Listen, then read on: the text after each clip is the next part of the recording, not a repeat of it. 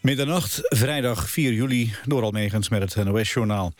In de Braziliaanse stad Belo Horizonte is een viaduct ingestort... dat speciaal voor het WK werd gebouwd. Daarbij zijn twee doden gevallen, raakten zeker tien mensen gewond... en mogelijk zitten er nog mensen vast. Auto's en een bus op de snelweg onder het viaduct... werden bedolven onder het puin. In Belo Horizonte wordt dinsdag een van de halve finales gespeeld. Israël zet meer militairen in langs de grens met de Gazastrook. Dat is volgens het leger nodig om te voorkomen dat de situatie verder uit de hand loopt. Over en weer voeren Israëliërs en Palestijnen al dagenlang luchtaanvallen uit. Israël bestookt vanuit de lucht Hamas-doelen in de Gazastrook. Vanuit Gaza zouden de afgelopen dag zeker 20 raketten zijn afgevuurd op het zuiden van Israël. Directe aanleiding voor het nieuwe geweld is de moord op drie Israëlische tieners... die drie weken geleden op de westelijke Jordaanoever werden ontvoerd. Woensdag werd vlakbij Jeruzalem het lichaam gevonden van een vermoorde Palestijnse jongen. Mogelijk houdt zijn dood verband met de moord op de drie Israëliërs. Nederlanders ruilen en delen steeds meer spullen, meldt Nieuwsuur. Het aantal websites om bijvoorbeeld de auto te delen... of tegen kostprijs te koken voor mensen in de buurt stijgt explosief. De groei is volgens deskundigen te danken aan de mogelijkheden op het internet. De Belastingdienst heeft de populariteit van delen en ruilen ook ontdekt... en onderzoekt of de gebruikers kunnen worden aangeslagen. Met een gongslag heeft koning Willem-Alexander... het nieuwe muziekcentrum Tivoli Vredenburg in Utrecht officieel geopend. Tijdens de openingsavond was er een concert van het Radio Philharmonisch Orkest. Ook trad de ongeneeslijk zieke zanger T. Lau van de Sien op. In het nieuwe gebouw zijn vijf concertzalen ondergebracht, van pop tot klassiek. Op 21 juni was er al een openingsfestival in Tivoli-Vredenburg. Het weer vannacht helder, tegen de ochtend mogelijk wat nevel. Overdag eerst veel zon, het wordt 23 graden op de Wadden... en in het binnenland kan het 30 graden worden. Later raakt het vanuit het zuiden bewolkt... en vooral morgenavond kans op wat regen- en onweersbuien. Dit was het NMS Journaal. Radio 1. VPRO. Meer slapen.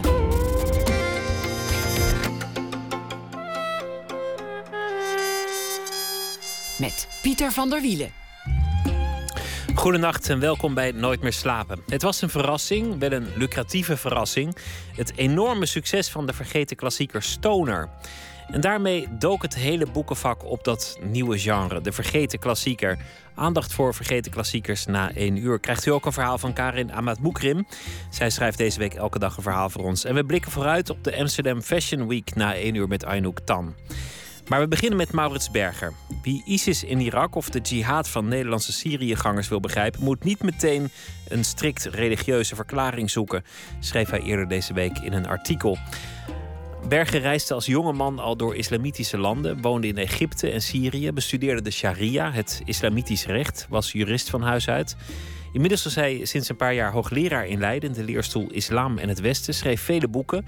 Sharia, Islam onder mijn huid en De Islam is een sinaasappel. Welkom en goeienacht. Goeienacht, goedemorgen. Hoe is dat? Uh, goedemorgen lijkt me wat een. Uh... Ja, we kunnen vroeg genoeg beginnen. Ja, nou, dat, is, dat, dat is ook volgens mij iets. Uh, het vier uur, hè, het eerste gebed in de islamitische wereld.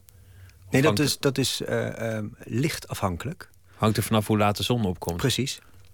Dus ik heb een tijdje in, in de moskee gestudeerd. Ik wilde sharia aan de bron leren. Dat ging dan na het ochtendgebed. En dat was in de periode rond de zomer. Dat werd dus steeds vroeger. Je moet er wat voor over hebben natuurlijk. Ja, we moeten er wat voor De helft van de studenten lag ook te tukken daar.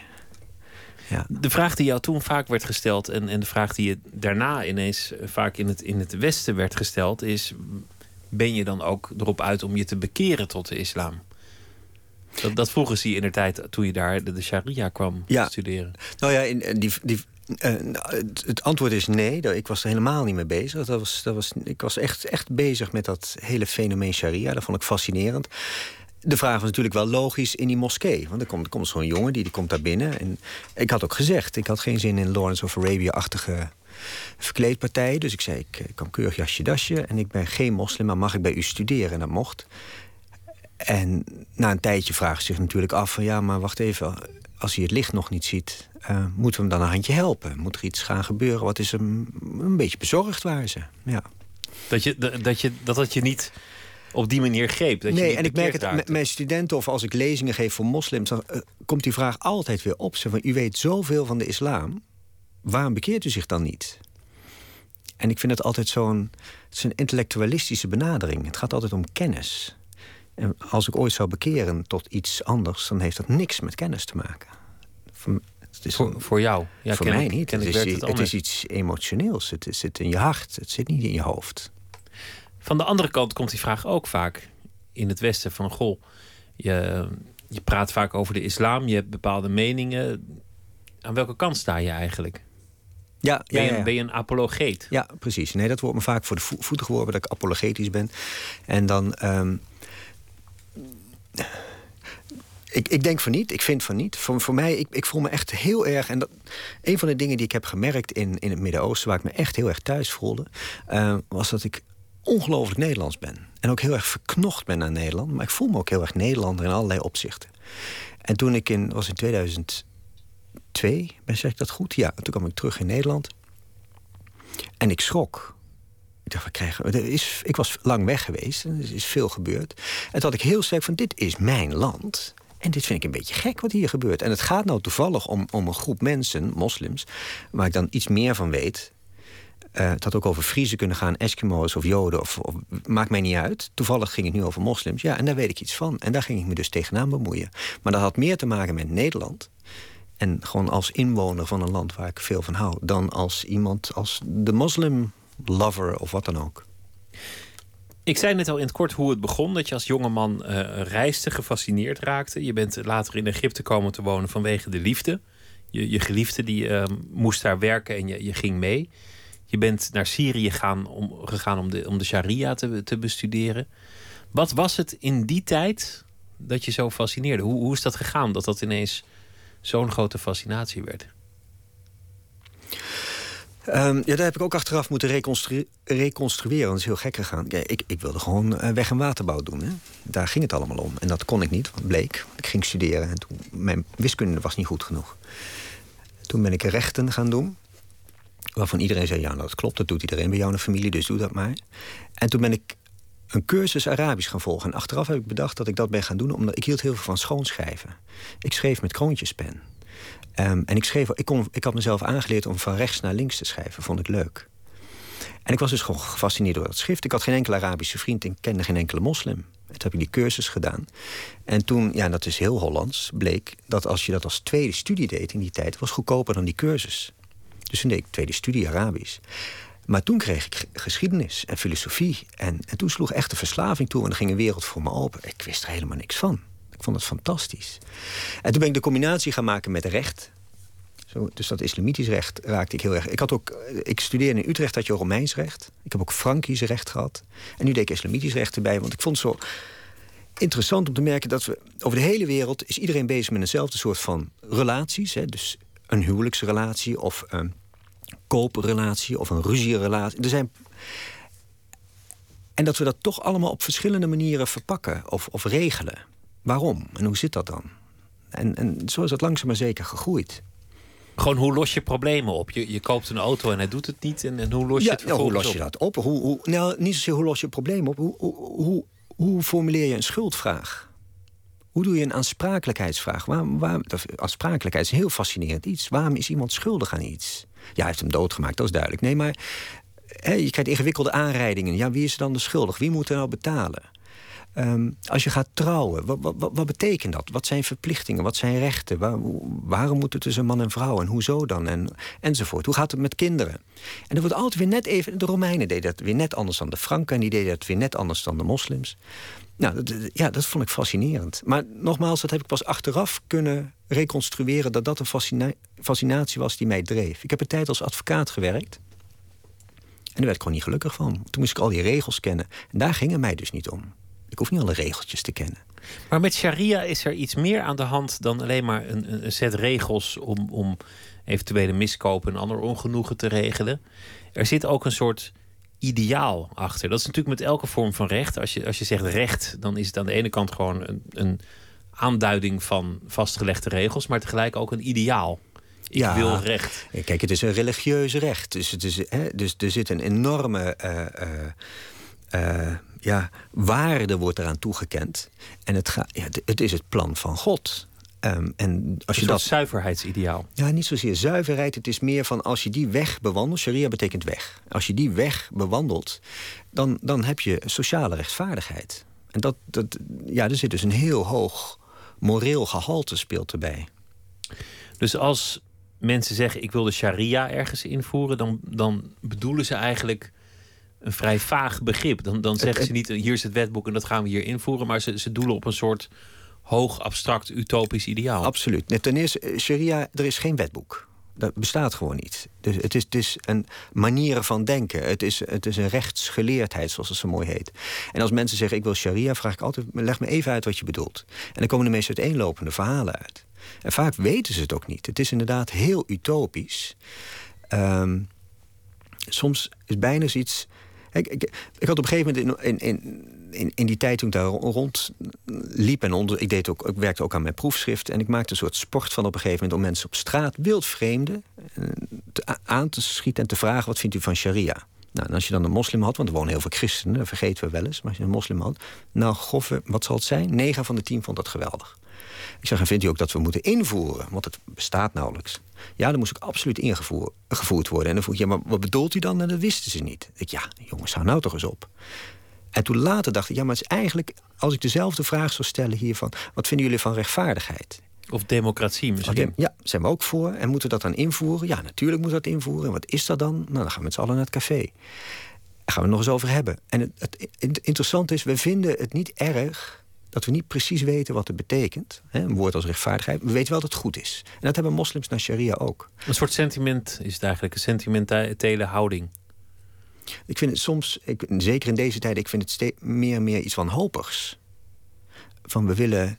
Het is, waar we nu in zitten is gewoon niet goed. We willen iets anders. En wat is beter? Ja, dat heet dan sharia. Wat is dat, weet ik niet, maar het is wel beter. Zo, dat, dat soort. Maar het is, ik vind het vooral iets wanhopigs hebben. Van, het gaat niet goed hier.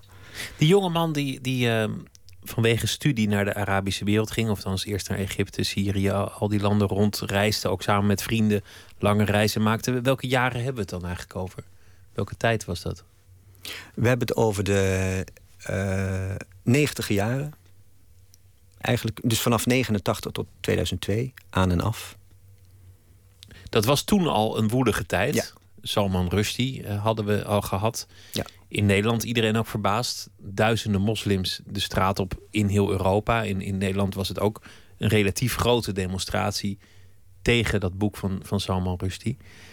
Maar you ain't seen nothing yet. Ja. In hoeverre heeft het je verbaasd wat er, wat er daarna allemaal is gebeurd... tot op de dag van vandaag, van dag tot dag nu? In hoeverre kun je zelf nog als, als kenner van islam en het Westen... de ontwikkelingen bijbenen? Uh, ja, bijna niet. Het is, uh, er zijn altijd twee vuistregels als het gaat om het Midden-Oosten. De eerste is uh, expect the unexpected, hè, het onverwachte. En de tweede is dat als het echt er heet aan toe gaat, is het altijd in de zomer. Dus, dus, maar, Omdat mensen dan niet thuis zitten? Ik weet niet wat er aan de hand is, maar de echte heftige oorlogen en toestanden zijn bijna altijd in de zomer. En nou ja, nu, nu speelt weer dit soort dingen. Nee, maar even los daarvan, had je dit allemaal kunnen voorzien? Kijk, een van de dingen die ik, ik zelf opvallend vond met Arabische lente, die speelde en nu wat er nu speelt, en dan kunnen we noemen, laten we een Arabische winter noemen, want ik denk wel dat het dezelfde verschijnsel is, dus dezelfde krachten, krachten spelen hier. Al heel lang zijn er allemaal rapporten en dingen gekomen van, nou, en dit is vanaf de tachtige jaren, denk ik, dat er wordt gezegd, wat willen zij, wat willen Arabieren, wat willen moslims? Ze willen islam, ze willen sharia, en ze willen democratie. En ze willen het alle twee. En het is terugkerend, terugkerend, terugkerend. Van als er surveys werden verricht, grote onderzoeken werden verricht, wereldwijd of alleen in enkele landen. Dit kwam steeds weer terug, kwam steeds weer terug. Met andere woorden, dat wat er was, daar was men niet tevreden mee. Het was dus nog niet goed. Men wilde iets anders. En dat zien we nu gebeuren. Alleen op een manier die ons en hen zelf ook volledig verbouwereert door, door nou ja, bij eigenlijk vooral het onverwachte succes wat het heeft. Dus opeens vliegen de dictators eruit. En opeens, eh, ISIS verovert opeens allerlei steden. Dat lijken twee tegengestelde bewegingen. De Arabische lente aan de ene kant en, en de Arabische winter... die we dan nu, hoe, hoe lekker warm het buiten ook is, beleven. Ja, Nee, ja, ze zijn tegengesteld in, in het soort van doelen die ze hebben. Maar ik denk wel dat ze allebei naar iets. Uh, ja, het klinkt inderdaad heel tegenstrijdig. Uh, maar het zijn het zijn dezelfde krachten die hier spelen. Met andere woorden, het is een het zijn in het algemeen jongeren. En die zijn echt de overgrote meerderheid in Dat is gewoon een, een demografisch verschil. Europa wordt oud, maar de Arabische wereld blijft jong of, of is jong. En al die jongelui die willen het gewoon anders. Het klopt niet. En het, er wordt wel eens gezegd hè, van we gaan terug naar de, eh, naar de middeleeuwen. Men gaat niet terug. Ze lopen alleen maar vooruit. Eh, ze zijn donders goed op de hoogte van wat er speelt in de wereld. Ze weten donders goed wat er allemaal aan de hand is. En zij willen dus ook iets. En het moet anders. Dus een, een, een dictator in Cairo of een dictator in Bagdad. En ze willen dat niet. Het moet er anders uitzien. Alleen, wat die jongeren in eh, 2011 in de Arabische lente hebben gedaan... dat spreekt ons veel, mij in ieder geval, veel meer aan in doelstellingen... dan wat de jongeren nou in, in Irak roepen. Maar ik denk zegt- dat het dezelfde motivatie is die daar speelt. Je zegt ze gaan niet terug naar de middeleeuwen, maar, maar zo'n kalifaat, dat, dat klinkt heel middeleeuws. En Ja. volgens mij was het laatste officiële kalifaat ook in de middeleeuwen. Nee, nee, nee. Het officieel het kalifaat heeft voortgeduurd tot 1924. Atatürk heeft het afgeschaft. Oké, maar dat was dan wel een kalifaat dat op krukken liep op het Dat einde. liep op krukken. Daar heeft ook verder niemand om gerouwd. Er heeft geen moslim een traan om gelaten. Dus dat was verder wel klaar. Ehm, voor hun betekent... Ja, ik, ik, heb ook, ik heb ook altijd een verbazingkreet kalifaat. Want je hebt hier de Hezb Tahrir. Dat is een club die hier in Europa ook rondloopt. Die willen ook een kalifaat. En dan denk je, wat bedoelen jullie nou precies? En het heeft inderdaad iets heel utopisch. Het is heel utopisch. Een Vooral- helstaat. het is een helstaat. Het is bijna communistisch soms, denk ik wel. Maar ook geen grenzen. We hebben geen grenzen, doen we niet aan. Het is alleen voor de gemeenschap der moslims. Ehm, eh, ze treden wel heel, heel erg hardhandig op als het gaat om de zuivering die eerst moet plaatsvinden. Zo kun je, kun je echt denken aan zo'n communistische revolutie. Ehm, maar als, al- als zij zich beroepen op het kalifaat, beroepen zich alleen op de eerste, wat zal het zijn, 30 jaar na het overlijden van de profeet. En daarna heb je nog 12, 13 eeuwen kalifaat gehad. Daar, daar kijken de kijkers niet naar. Hebben ze geen zin in. Dat, dat vinden ze niet goed. Dat is slecht geweest. En ze gaan terug naar een puurheid. Ja, die, die, ja, daar kan je dus ook in de 21ste eeuw van alles van maken. Je zei net, ze willen en sharia en democratie. Dat is natuurlijk geestig, dat zijn twee onverenigbare begrippen. Maar dat meen ik wel vaker te zien. Mensen willen een islamitische cultuur en een Mercedes-Benz en een spijkerbroek. Om maar eens wat te noemen. Dingen die, nou ja, niet zo heel veel met elkaar te maken hebben, maar tegelijk dat wel willen. Ik, ik, ik zie veel inconsequentie. Nou ja, ik zou bijna willen vragen waarom. Waarom is dat... eh, Onze reactie, en, dat- en dan bedoel ik echt de Europese of de Westerse reactie... is dat gaat niet samen. Nou ja, het, bedoel, het gaat wel samen. Maar als je aan de ene kant zegt, we willen, we willen geen invloed van het Westen en we willen herstel van onze eigen waarden. En tegelijk zeg je, maar waar kan ik hier een Mercedes kopen? Dan, dan nou ja, dat, dat in één adem, dat, dat doet toch inconsequent aan. Nee, maar nou haal je allerlei dingen haal je bij elkaar. Zo van geen invloed van het Westen.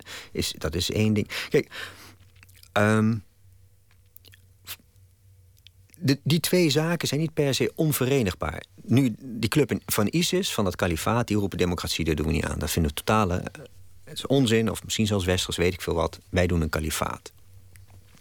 Maar heel veel mensen die in 2011 voor die democratie hebben eh, op, het plein, op de pleinen hebben gestaan en gevochten, waren vaak ook diepgelovige moslims. En voor hen ging dat wel samen. Zij zeggen, ja, maar islam staat voor democratie. Islam is democratie.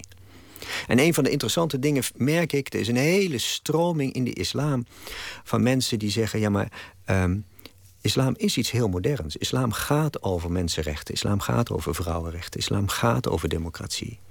En, maar we willen het wel authentiek op onze manier hebben. En dat is voor hun absoluut niet onverenigbaar. En ja, je kan een goede moslim zijn en in een Mercedes-Benz rijden. Dat, dat, die twee. Ik zeg niet dat dat onverenigbaar is. Dat, dat is niet wat Ja. ik bedoelde. Maar het, het streven naar een, een soort cultureel model, een utopisch model. En, en tegelijk wel de geneugten van een ander model willen.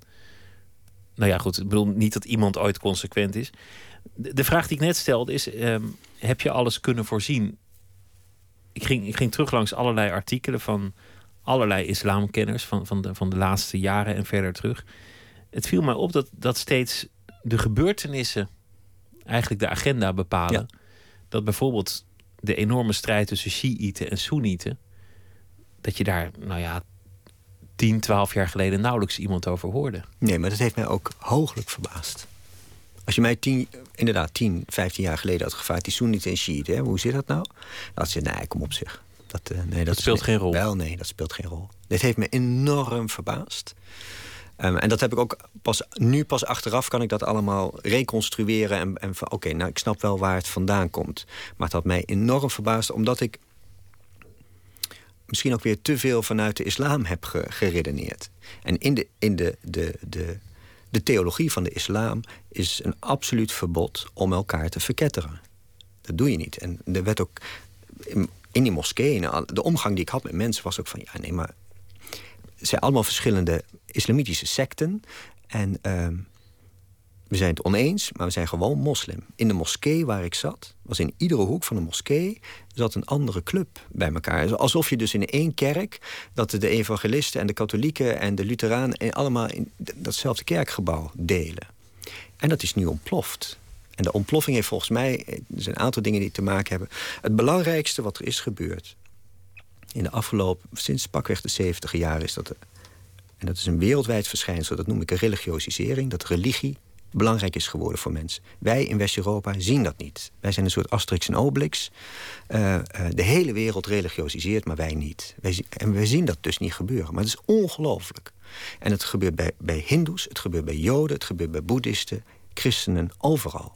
En dus ook bij moslims. Maar je zei nog iets interessants, namelijk dat je het niet gezien hebt omdat je te trouw was aan de leer van de islam. Dus omdat je eigenlijk te veel keek naar het boek en te weinig, naar, de praktijk en naar de mensen. Precies. En een van de dingen die gebeurde met die mensen was dat ze religiosiseerden. Dat wil zeggen, eh, religie werd voor hun steeds belangrijker. En ze gingen de wereld om hun heen steeds meer door een religieuze bril bekijken. Door een islamitische bril. Dus in het geval van de moslims door een islamitische bril.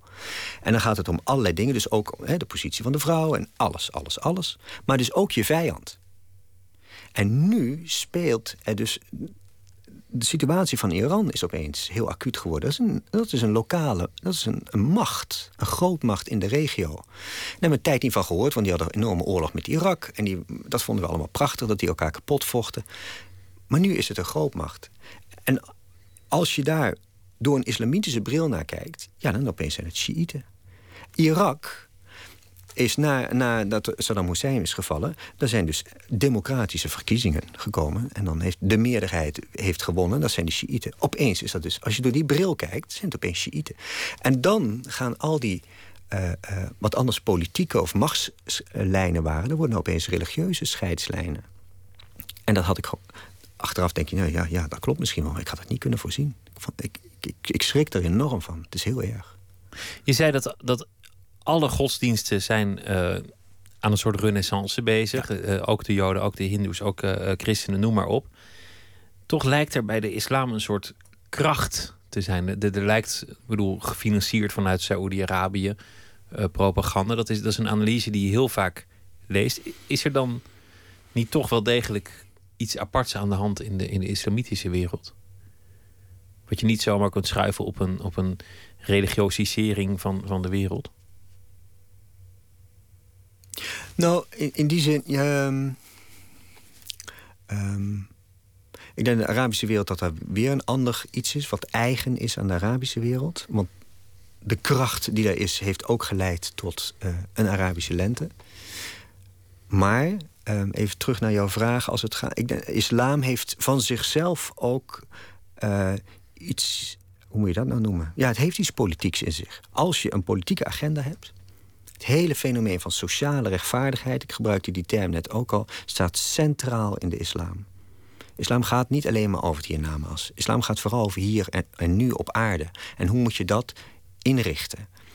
Dus als je daarmee bezig bent, als je boos bent op deze wereld en je vindt dat het echt anders moet, want het is allemaal zo onrechtvaardig, dan geeft zo'n islam geeft je alle terminologie en, en, en middelen om daarmee aan de slag te gaan. Meer denk ik inderdaad dan veel andere religies. Maar het heeft niks te maken met een, een bewust gestuurde agenda van een, een, groep mensen die daar politiek iets mee wil bereiken. Met andere woorden, gewoon gefinancierde propaganda. Ja, maar dat is niet politiek. Ik denk dat, ik denk dat, dat uh, uh, met name vanuit Saudi-Arabië, en het was ook vanuit Libië, de, de en nu ook eigenlijk uit Qatar, de gefinancierde propaganda, propaganda gaat heel erg voor, uh, voor een conservatieve religie. We moeten allemaal veel conservatiever worden, want het is echt, dat is vooral een religieus iets. En bewust of onbewust wordt daarmee in totaal ook, dragen ze bij aan een politiek steekspel. En Saudi-Arabië is daar rukzichtloos in geweest. Degene die ze hebben gesponsord, ze waren als de dood voor het communisme. Nou, dan gingen ze andere clubjes sponsoren. Nou, dat hebben we gemerkt. We gaan luisteren naar muziek van Tom Waits.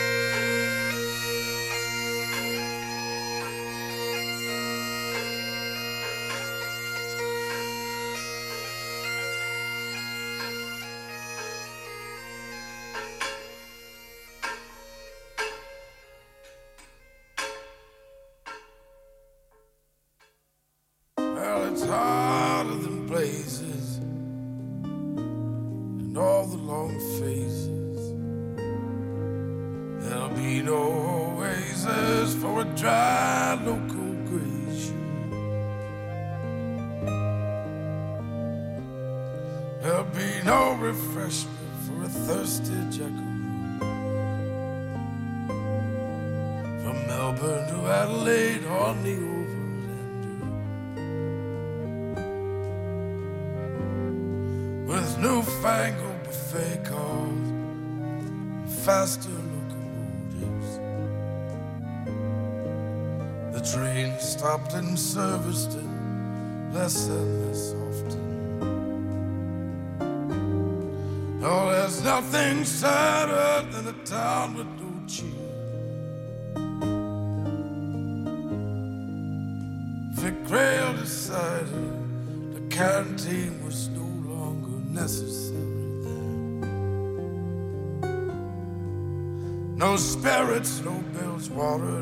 Dry locals.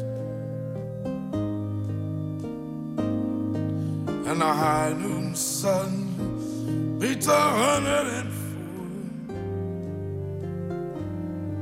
There's a hummingbird trapped in a closed down shoe store.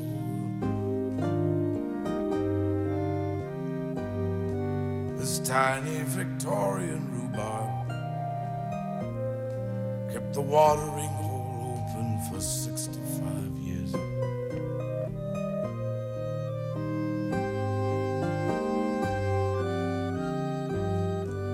It's boiling in a miserable March 21st. Wrap the hills in a blanket of Patterson's curse. The train smokes down the xylophone. There'll be no stopping here. All you can be is thirsty in a town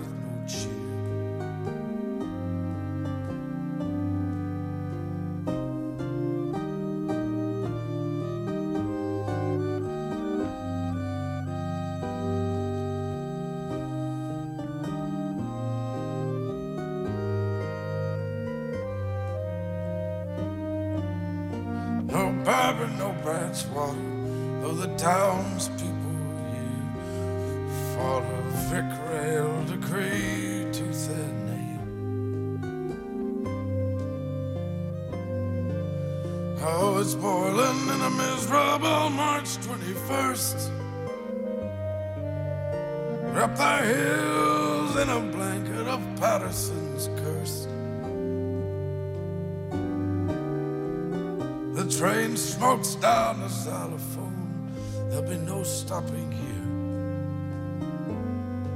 All you can be is thirsty, town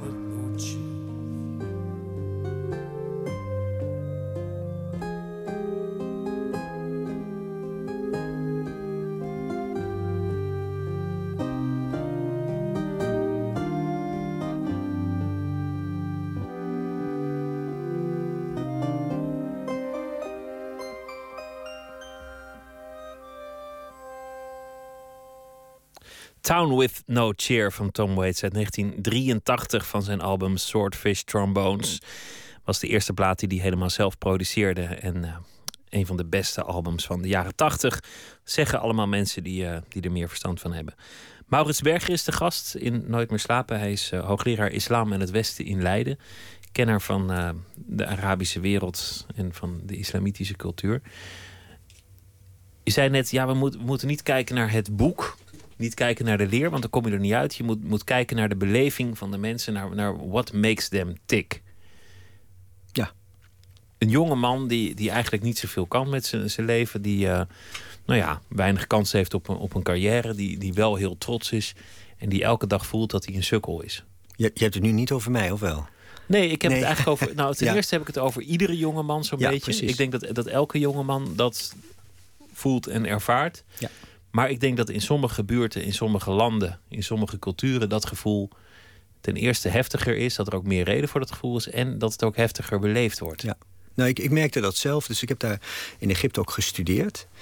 Um, tenminste, dat was de bedoeling. Een jaar als student zou ik een jaar naar Egypte gaan om te studeren. Nou, dat kostte heel veel. Voordat ik door de bureaucratie was, uh, dan was ik weer een maand verder. En toen eindelijk kom ik in die collegezalen.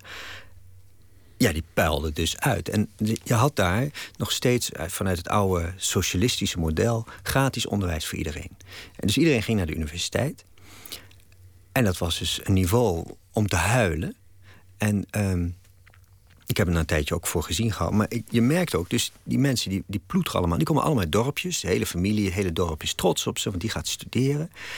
Oké, voor ons niveau zeggen we, nou, dat, die studie stelt niet veel voor. Maar goed, dan zijn ze afgestudeerd en dan komen ze buiten de poort. En dan is er gewoon niks. Er is helemaal niks. Want als er geen werkloosheid is, dan is er wel corruptie. En als ze zelf iets willen gaan beginnen, dan, dan mag het niet. En, en als ze boos worden op het systeem, dan krijgen ze de geheime politie op hun dak. Ja, dat gaat dus niet goed. En het zijn vooral die mensen. Het gaat dus niet om de arme boertjes en buitenlui. Die zijn het wel gewend. Die zijn het al gewend al, al honderden jaren. Maar het gaat om deze mensen die kansen worden gegeven, die ze ook nemen. En die dan ook het idee hebben van, ja, maar dan kom ik dus ook vooruit. Nu gaat er ook iets gebeuren. En er gebeurt helemaal niks. Nou, dan gaat het fout. En daar, daar zie ik het vooral. En dan ga je radicale dingen doen. Ofwel de dictator uit je land uh, gooien. Met, met wonderlijk succes. Ja. Want het is toch, toch eigenlijk verwonderlijk hoe snel ja. de, de Ben Ali's van deze wereld zich lieten wegjagen. Ja. Of je sluit je aan bij, bij een radicaal religieuze groepering. Ja, nou in beide gevallen het overkoepelende uh, kreet is... Je, je, begint gewoon een revolutie. Je gaat, dit is gewoon revolutionair wat er gebeurt. We gooien de boel om. Het moet anders.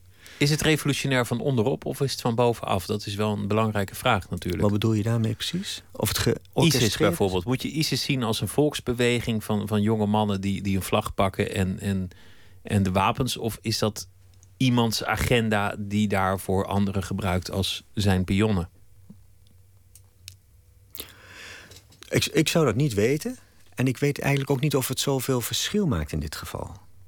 Um, want zelfs als het één iemand is die daar met een agenda rondloopt en met een vlag is gaan zwaaien, het feit dat er zoveel mensen aansluiten, betekent dat die de goede toon zetten. Dit is dus wat men wil. Dit sluit dus aan op het gevoel dat men heeft. En ik denk ook dat er heel veel jongeren zijn, en dat zijn dus ook zeker de jongeren die daar nu op af gaan komen. Die zeggen, nou, dit is tenminste de grote zaak, het heilige doel. En dan gaan we zin geven aan een verder. Ik heb toch een zinloos bestaan. En nou gaan we daar zin aan geven. Ik, ik doe mee. Een utopisch ideaal. Zin geven aan een zinloos bestaan. Het stichten van een kalifaat. Natuurlijk ook een, een uh, dramatische nederlaag voor, voor het Westen. Een, een, een, mooie visuele overwinning. Want er is nog niet zo lang geleden daar een oorlog gewoed. En, en de, de verovering van Irak of de bevrijding van Irak, hoe je het ziet, is groots gevierd. En zie daar, nu, nu valt het razend rap in, in handen van een nieuwe beweging. Ja. Um, ik moet heel eerlijk zeggen dat ik het... Ja, zo kan je het inderdaad ook zien. Zo, ik, ik bekijk het niet vanuit een westers perspectief. Ik, ik, begrijp heel goed dat met name de Amerikanen zich enorm bekocht voelen. Letterlijk en figuurlijk. Nou, die voelen dit als een afgang. Totaal natuurlijk. En dus, nou, er zijn nog aardig wat doden gevallen. En dat dus voor niks. Dus dat is natuurlijk iets verschrikkelijks. Maar ik denk dat de ISIS daar helemaal niet mee bezig is. Dat interesseert ze nou. Dat is het laatste waar ze mee bezig zijn, volgens mij. Denk je? Ja. Zijn helemaal niet bezig met het Westen. Die zijn bezig met zichzelf. Met hun regio, met hun gebied. En als er een, als er een vijand is op dit moment... dan is dat vooral um, de lokale dictator. En de een zit in Bagdad, is een Shiït, en de ander zit in Damascus, en is een Alawit. En als we door de islamitische bril kijken, dan zijn dat dus echt grote vijanden. Toch hoorde ik vandaag een, een oproep dat overal ter wereld iedereen werd opgeroepen of om naar het kalifaat te komen, of om elders de strijd aan te gaan tegen alles wat, wat niet heilig was, of tegen alles wat de islam onderdrukt. Ja. Dat soort termen. Ja, nou ja, die, die kreten die kennen we al heel lang. dus het, het, het, verdedigen van de. Zij, ze, ze formuleren het altijd in termen van een verdediging. Die, al, al dat vechten wat ze doen, ze verdedigen de islam. En dat, uh, Mohammed B. zei dat ook over Theo van Gogh. Hij heeft zich verdedigd. De islam moest verdedigd worden. Um, ik vond deze oproep, dat deed me echt inderdaad gewoon aan de communistische revolutie denken. Van we gaan nu wereldwijd, proletariërs alle landen, verenigt u. Moslims alle landen, jihadis alle landen, verenigt u. Kom maar allemaal hier, nou gaan we het eindelijk doen. De heilstaat gaan we stichten. Ja. Een grote utopische beweging. We, we, hebben het communisme gehad, was een grote utopische beweging. De nazi's was ook een grote utopische beweging. Op, op, op een andere manier, maar was uiteindelijk een utopische beweging.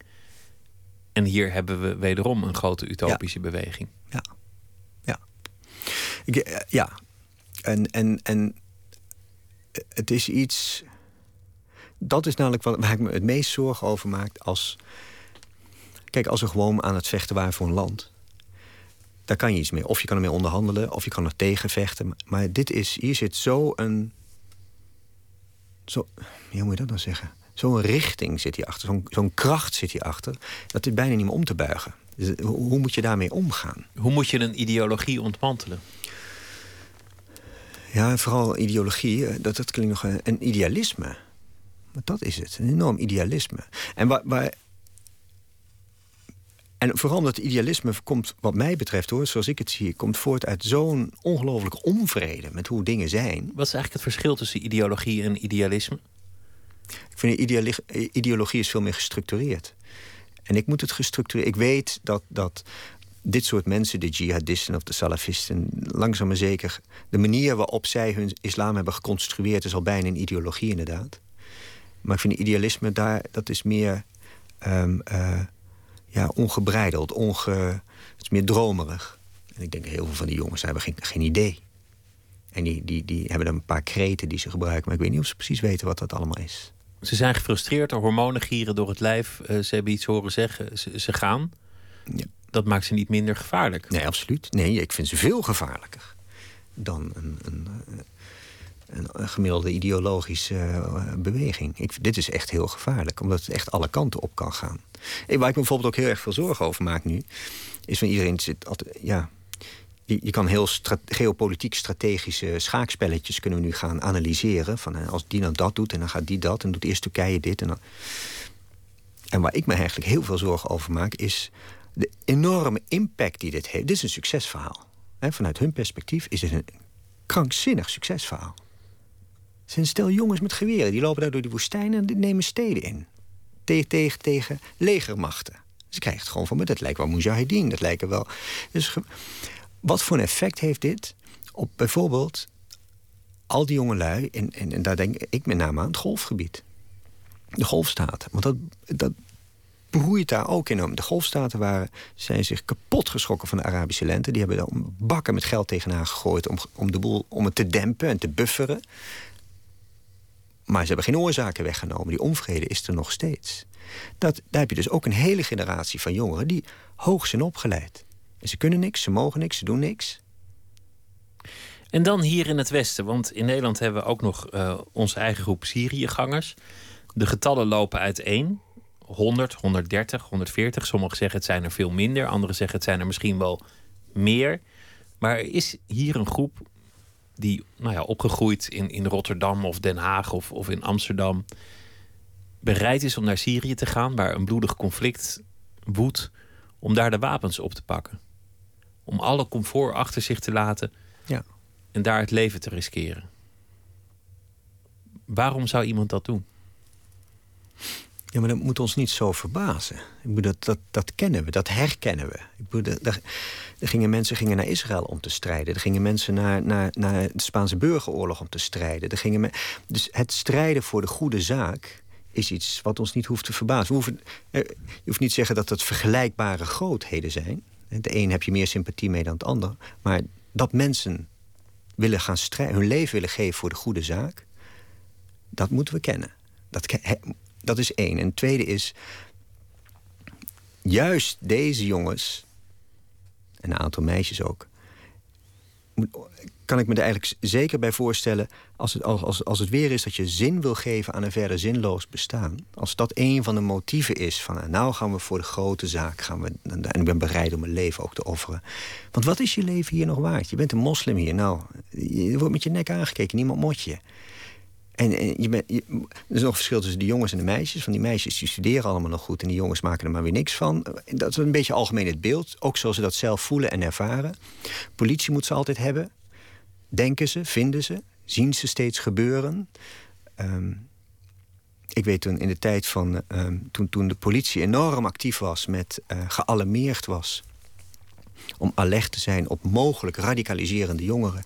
Toen hadden ze het, het, het, uh, wat ze noemden hinderlijk volgen. Nou, die jongens werden daar stuiterend gek van. En daar radicaliseerden ze ook van. Want er staat steeds een politieauto voor je deur. Of ze van laten zien dat je in de gaten wordt gehouden. Maar is dit de enige ontsnapping? Want dat geloof ik eigenlijk niet. Ik, ik denk dat je daar op wat voor manier dan ook aan kunt onttrekken. Tuurlijk, tuurlijk. Nee, nee, wacht even. Dit is niet iets van dat dit een logica is. Dat het, dat als, als je zo er zijn genoeg gevallen bekend. Ik, nou, ik weet van een jongen. Is, ik, luister eens, ik heb een broer. Het is bijna een tweelingbroer. Kom uit, we zijn hetzelfde gehucht uh, geboren in Marokko. We zijn hetzelfde naar Nederland, dezelfde school, hetzelfde dit. Die jongen die is, uh, die heeft nou met een baard en een jurk met hoog water loopt die rond. Die is volledig salafistisch. En ik zit in een of andere. Ik zit bij de PvdA of bij de D66. Of, dus we zijn, we zijn allebei zijn we gemotiveerd bezig met dingen die ons aangaan en waar we ons bij betrokken. Alleen ik kies een andere weg dan hij. Ja, dus uiteindelijk is er een persoonlijke keuze. Die, die de een gaat dus de ene kant op en de andere de andere kant. Er zit geen logica in. Je kan niet. Daar zijn mensen enorm mee bezig geweest. Allemaal wetenschappers, allemaal collega's. Die zeggen van oké, kunnen wij een logica ontdekken zodat je een radicaliserend persoon op een gegeven moment kan traceren van als je die en die stappen maakt, nou, dan moeten we daar ingrijpen, want anders gaat hij naar Syrië. Nou, nee, dat kan niet. Er waren ook jongens in, in de Tweede Wereldoorlog die zich melden voor, voor het Oostfront. Er zijn uh, vrijwilligers geweest in Vietnam, heel veel dienstplichtigen, maar er zijn ook heel veel jongens geweest die vrijwillig daar naartoe gingen. Het, het Franse Vreemdelingenlegioen heeft nog altijd een aanwas van mensen die om wat voor reden dan ook willen vechten. Jonge mannen die om persoonlijke motieven, dus nog niet eens ideologische motieven, zich melden voor een oorlog. Nou, hier, hier is ook duidelijk iets ideologisch aan de mhm. hand. Voor een deel is dat denk ik wel een verklaring. Is ook zo, maar er spelen nog even een paar andere dingen. Hè? De, de, bredere voedingsbodem die hier speelde onder moslims in, en ik denk moslims in Europa, mag ik wel zeggen. Of West-Europa was. Van hier is een hele Arabische lente aan de gang. Daar hebben ze ook met grote ogen naar gekeken. Vonden ze ook heel bijzonder wat er allemaal gebeurde. En uh, toen heeft de NAVO heeft ingegrepen in Libië. En toen gebeurde dit allemaal in Syrië. Er waren gewoon opstanden tegen de dictator. Had nog niks te maken met Soenieten, Shiiten, weet ik veel wat. Er waren gewoon opstanden tegen een dictator. En dat, daar is keihard tegen opgetreden. En vervolgens heeft het Westen gezegd: ja, nou, ja, nee, we doen even niks. Om volledig begrijpelijke redenen. En dat, daar werd men. Ik weet onder moslims. Er was een enorme betrokkenheid. Niet omdat ze uit Syrië kwamen, maar er was een betrokkenheid bij wat er, met die regio, wat er allemaal gebeurde. En waarom gebeurt er niks en niemand doet iets? Er zijn enorm veel voedselinzamel, of heet dat, geld en andere inzamelacties geweest. Hè? Ik weet van iemand die ging met een rugzakje met mobiele telefoontjes naar Libanon, naar de Syrisch-Libanese grens, om dat in te ruilen tegen telefoontjes die hij terugnam, zodat ze al die, al die YouTube-filmpjes die we toen hebben gehad, jullie, eh, van, ik zou zeggen in de media, om die term te gebruiken, zijn gevoed met allemaal filmpjes van YouTube. Die daar zijn opgenomen, die mensen ook met gevaar voor eigen leven hebben opgenomen. Er was een enorme betrokkenheid, ook vanuit moslims hier. En die op een gegeven moment ook echt omsloeg. En in Engeland speelde misschien wel meer dan hier een soort boosheid ook naar de eigen regering. Van ja, maar jullie treden overal op. En waarom nou niet hier? Nogmaals, het is een volledig onredelijke eis, want je kan niet overal gaan optreden. Maar toen op een gegeven moment is het, nou, maar dan, dan moeten we zelf iets doen. En dan neem je dus je eigen verantwoordelijkheid. Dat is wat daar speelde. Ze namen hun eigen verantwoordelijkheid. Dit is niet een stel. Het is niet alleen het testosteron wat, wat, wat rondvliegt en, en dat je daar maar achteraan gaat. Nee, hier speelt veel meer. Dit speelt al heel lang. Het hoeft ook niet één reden te zijn of, of één verklaring natuurlijk. De angst die overal wordt geventileerd en, en ook vanuit de AIVD is... ja, wat als ze terugkomen? Ja.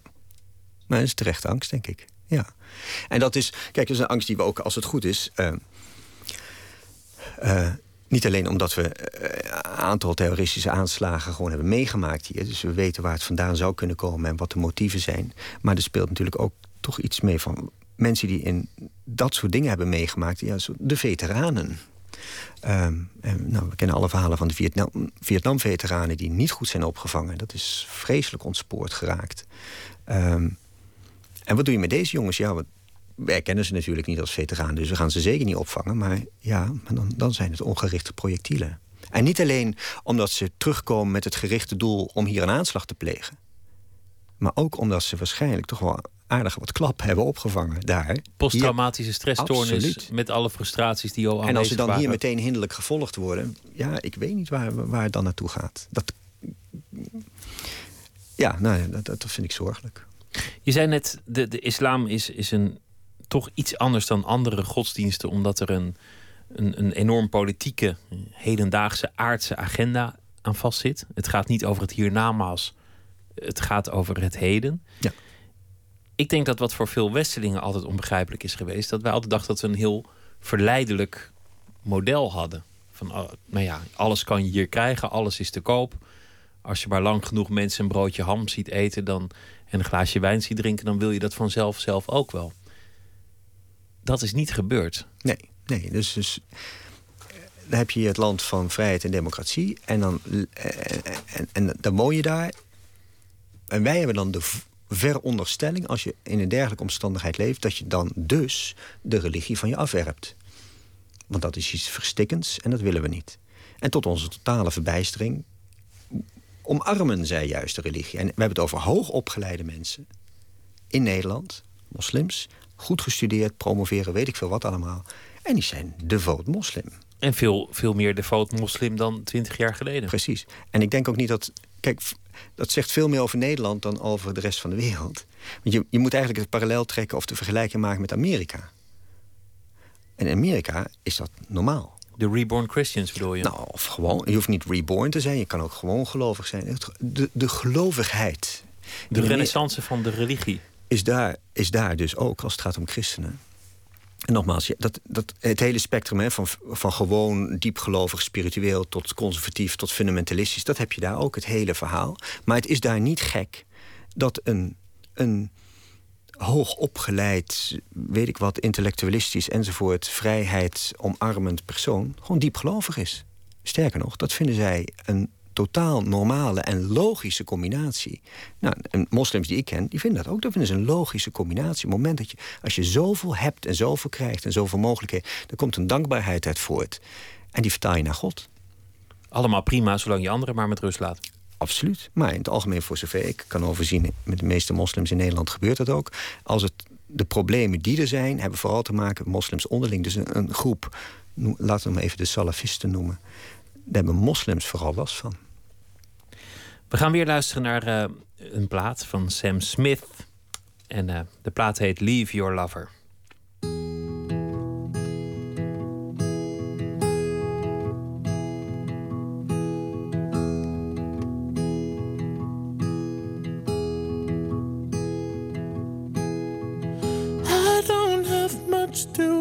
But I don't care for gold. What use is money when you need someone to hold?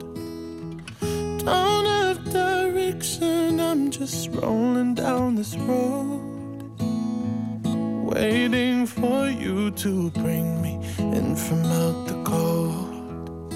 You'll never know the endless nights, the rhyming of the rain, or how it feels to fall behind and what you call his name.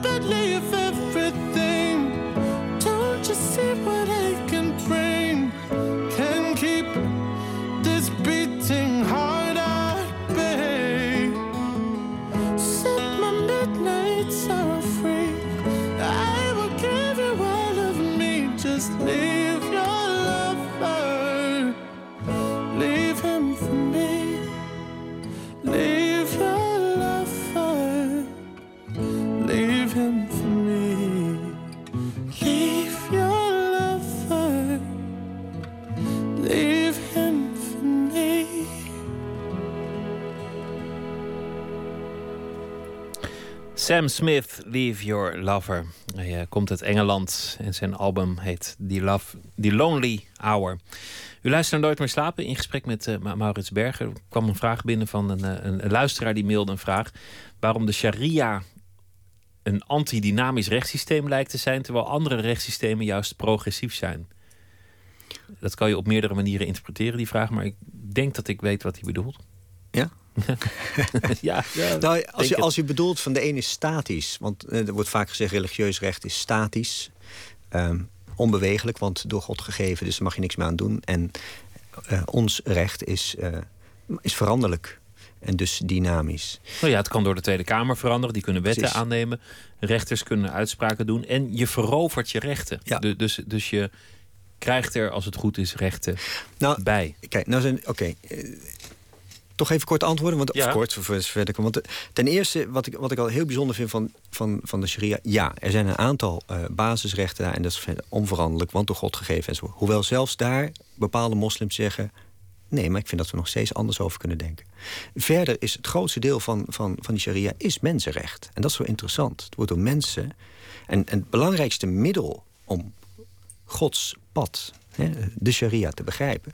Dat zeggen alle, alle geleerden altijd al, is het menselijk intellect. Dus je moet heel rationeel nadenken om te proberen te achterhalen wat er precies wordt bedoeld. En daardoor krijg je een hele, hele, heel, scala aan, aan mogelijkheden. Nou, Laat ik een voorbeeld geven, want, en dan krijg je opeens het verwerven van rechten. Je krijgt het zogenaamde islamitisch feminisme. Lijkt ook een contradictio in terminis, maar dat gebeurt steeds meer. Dat de moslims, vrouwen, die zijn die zeggen: luister, ik ben, ik ben overtuigd moslim. Maar hoe kan het nou dat de positie van de vrouw zo slecht is? Wat is er toch aan de hand? En dan wil ik het gewoon zelf weten. En die gaan de bronnen raadplegen. Dus de Koran en dus wat, alles wat de profeet heeft gezegd. Eh, tot grote woede van eh, eh, de geleerden, de mannen met baarden. Die zeggen: ja, maar da- daar gaan wij over. Nee, nee, dat gaan ze zelf lezen. Lezen ze en dan zeggen ze: ja, maar dan valt het allemaal reuze mee.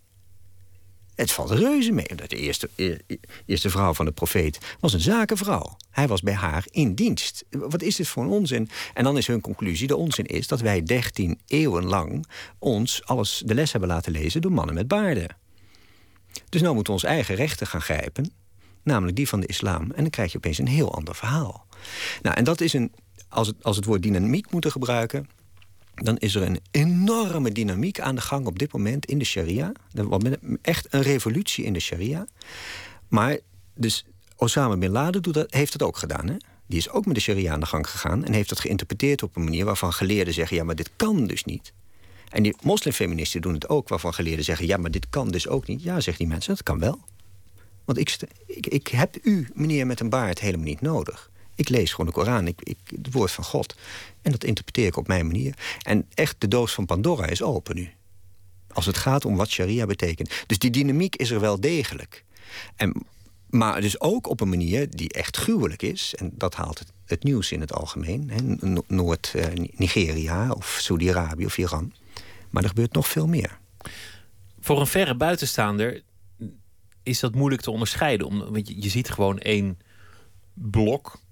En je ziet niet echt de, de, de strijd binnen Ja, precies. een, een samenleving. En, en dat die strijd zich ook plaatsvindt juist binnen een religie. Dus, dus dat, je, dat je emancipeert via ja, nou, want, het geloof. En de manier waarop ik dat, dit allemaal verklaar is alle discussies die wij ook kennen, worden daar ook gevoerd. Dus, eh, hoe moet je een land regeren? Moet je, moet je democratie hebben? Moet je volksstemming? Moet je gewoon een, sterke leider hebben? Hebben we een doodstraf nodig? Of juist niet? Al, eh, moeten we liberaal zijn, socialistisch? Al, al die discussies worden daar ook gevoerd. Wat is de positie van de vrouw? Thuis blijven, op de kindjes letten? Of al die discussies worden daar ook gevoerd. Alleen, ze hebben allemaal de islamitische bril op. Dus het wordt allemaal door de lens van de islam gedaan. Maar het zijn dezelfde discussies.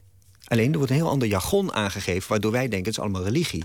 Ja, maar nee. Dat klinkt toch al wat optimistischer, als je het zo zegt. Ja, ik, als je dat allemaal naast elkaar zet, ben ik ben eh, wat dat betreft wel optimistisch. Alleen op, maar op de lange termijn. Op de korte termijn ben ik niet optimistisch, omdat um, met name de hele boze mensen een beetje de overhand hebben. En als je boos bent en een islamitische bril op hebt, dan gebeuren opeens hele andere dingen. Hoe zie je dat in Nederland? Want, want je bent al een aantal jaren actief hier. Je geeft ook les aan nou ja, allerhande uh, studenten van allerlei pluimuizen, waaronder ook uh, veel nou, moslims. vaak zijn de meeste meerderheid van studenten is, is moslim, die ik heb. Ja. Wat heel interessant is, dus toen ik studeerde geen enkele moslim te zien, maar nu alleen maar. Dus dat is heel. En die geven ook weerwerk. Wie, is u, wie denkt u wel dat u bent? Um, wat ik zie, een van die bijzondere dingen die ik zie, is dat zij.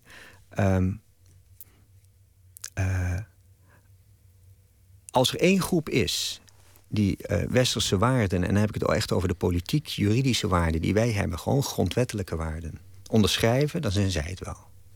En dat is niet alleen mijn eigen observatie, is ook in studies is gebleken. Zij scoren gewoon hoger dan de autochtoon als het gaat om die waarden. En waarom?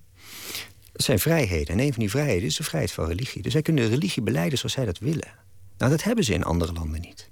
En dat weten ze. Dat weten ze. Als ik, gewoon, ik heb Marokkaanse studenten die naar Marokko. Dan heb je toch geen schijn toch die islam in Marokko. Dat, hebben ze daar, dat is gewoon de overheid die dicteert hoe dat zit. Maar hier mag ik gewoon, heb ik de vrijheid van religie. Ik ben wie ik ben. En dat mag. En dat is, een, dat, dat is heel bijzonder. Alleen het vervelende is, soms wordt dat. Je hebt heel veel uh, van die jongeren, die zie ik. Die zijn heel zelfbewust en heel krachtig. Die zijn fantastisch. Maar er zijn er ook die gewoon echt boos zijn om alles wat er gebeurt en hun, hun wordt aangedaan. En of dat nou echt is, of dat ze zich inbeelden. Het is altijd, de media hebben dat gedaan. Ik zeg altijd, oké, maar welke media dan? Wijs me dat nou eens aan. En dat is het dan gewoon niet. Maar die boosheid is dan al voldoende. En dan gaan ze nog meer in hun schulp, schulp kruipen. En dan, worden, dan gaan ze nog meer de moslim of de moslima uithangen. Dus die heb je ook. Ja, dat chagrijn is natuurlijk wat, wat in alle hoeken van de samenleving de laatste tien jaar aan de hand is geweest. En, je hebt maar één inkpatroon nodig en het hele aquarium is zwart. Precies. Natuurlijk. Ja, ja, precies. Maar goed, je merkt ook dat ze onderling steeds meer uh, uh, elkaar ook beginnen te corrigeren, op elkaar beginnen. Dus het, het, laat ik het zo zeggen, de, de, ik noem het toch maar even de krachtige elementen, de, degene die wel zelfbewust gewoon heel Nederlands zijn, maar ook heel moslim. Die, en dat is, dat, is een, dat is een zelfbewustzijn dat je moet hebben hoor, om die combinatie te kunnen maken. Want vergeet niet, dit we hebben het over een tweede, misschien derde generatie... die ook weer hemelsbreed verschillen van de eerste generatie. Want die eerste generatie zegt, ik ben Marokkaans, ik ben Turks, ik ben dit, ik ben dat. Bijvoorbeeld nu de Ramadan. En de Ramadan wordt van alles geserveerd. Hè. Dat is 30 dagen kerst, hè, de Ramadan. Dat is fantastisch wat je allemaal kan eten. En er worden koekjes geserveerd en dit en dat. En deze generatie, mijn studenten, die vragen aan hun ouders... waarom eten we die koekjes eigenlijk? En dan zeggen ja, dat, dat, dat deed grootmoeder altijd. Ja, maar Jij zegt dat dit van de islam is, maar waar staat dit in de islam? Het is een heel puristisch. Waar komt het vandaan? Kortom, alles is in beweging. Een uh, interessante tijd. Leuk dat je het gast wilde zijn. Dank, Maurits Berger. Graag gedaan. Graag tot de volgende keer en uh, een goede, goede nacht. Nooit meer slapen gaat zo meteen uh, verder. Met nog veel meer dingen. Twitter, VPRO NMS of de mail nooit meer slapen, VPRO.nl. Graag tot zometeen.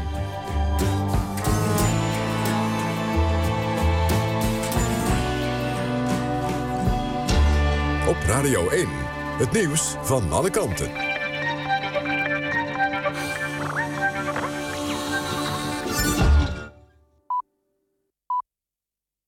1 uur, door Almegens met het NOS-journaal. In de Braziliaanse stad Belo Horizonte is een viaduct ingestort... dat speciaal voor het WK werd gebouwd. Daarbij zijn twee doden gevallen en raakten zeker 20 mensen gewond.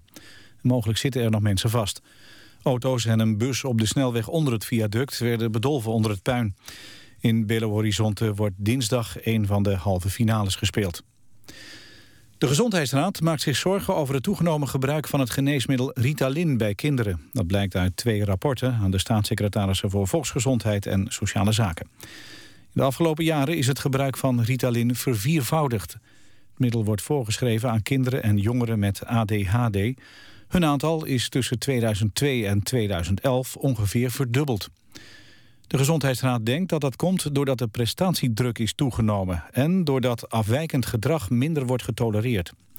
De raad wil niet concluderen dat Ritalin te vaak wordt voorgeschreven. Wel zou bij de diagnose ADHD eerst ook naar mogelijke andere problemen moeten worden gekeken. Het Twitter-account van het Israëlische leger is afgelopen avond korte tijd gehackt. Het account meldde dat raketten een Israëlische kerninstallatie hadden geraakt...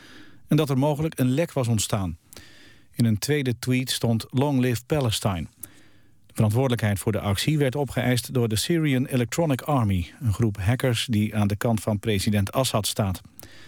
De tweets bleven maar kort staan. Het Israëlische leger kwam snel met excuses... en meldde dat alle vormen van terreur worden bestreden, ook de cybervariant. De hack komt op een gevoelig moment. De afgelopen dagen is het geweld tussen Israël en de Palestijnen over en weer toegenomen...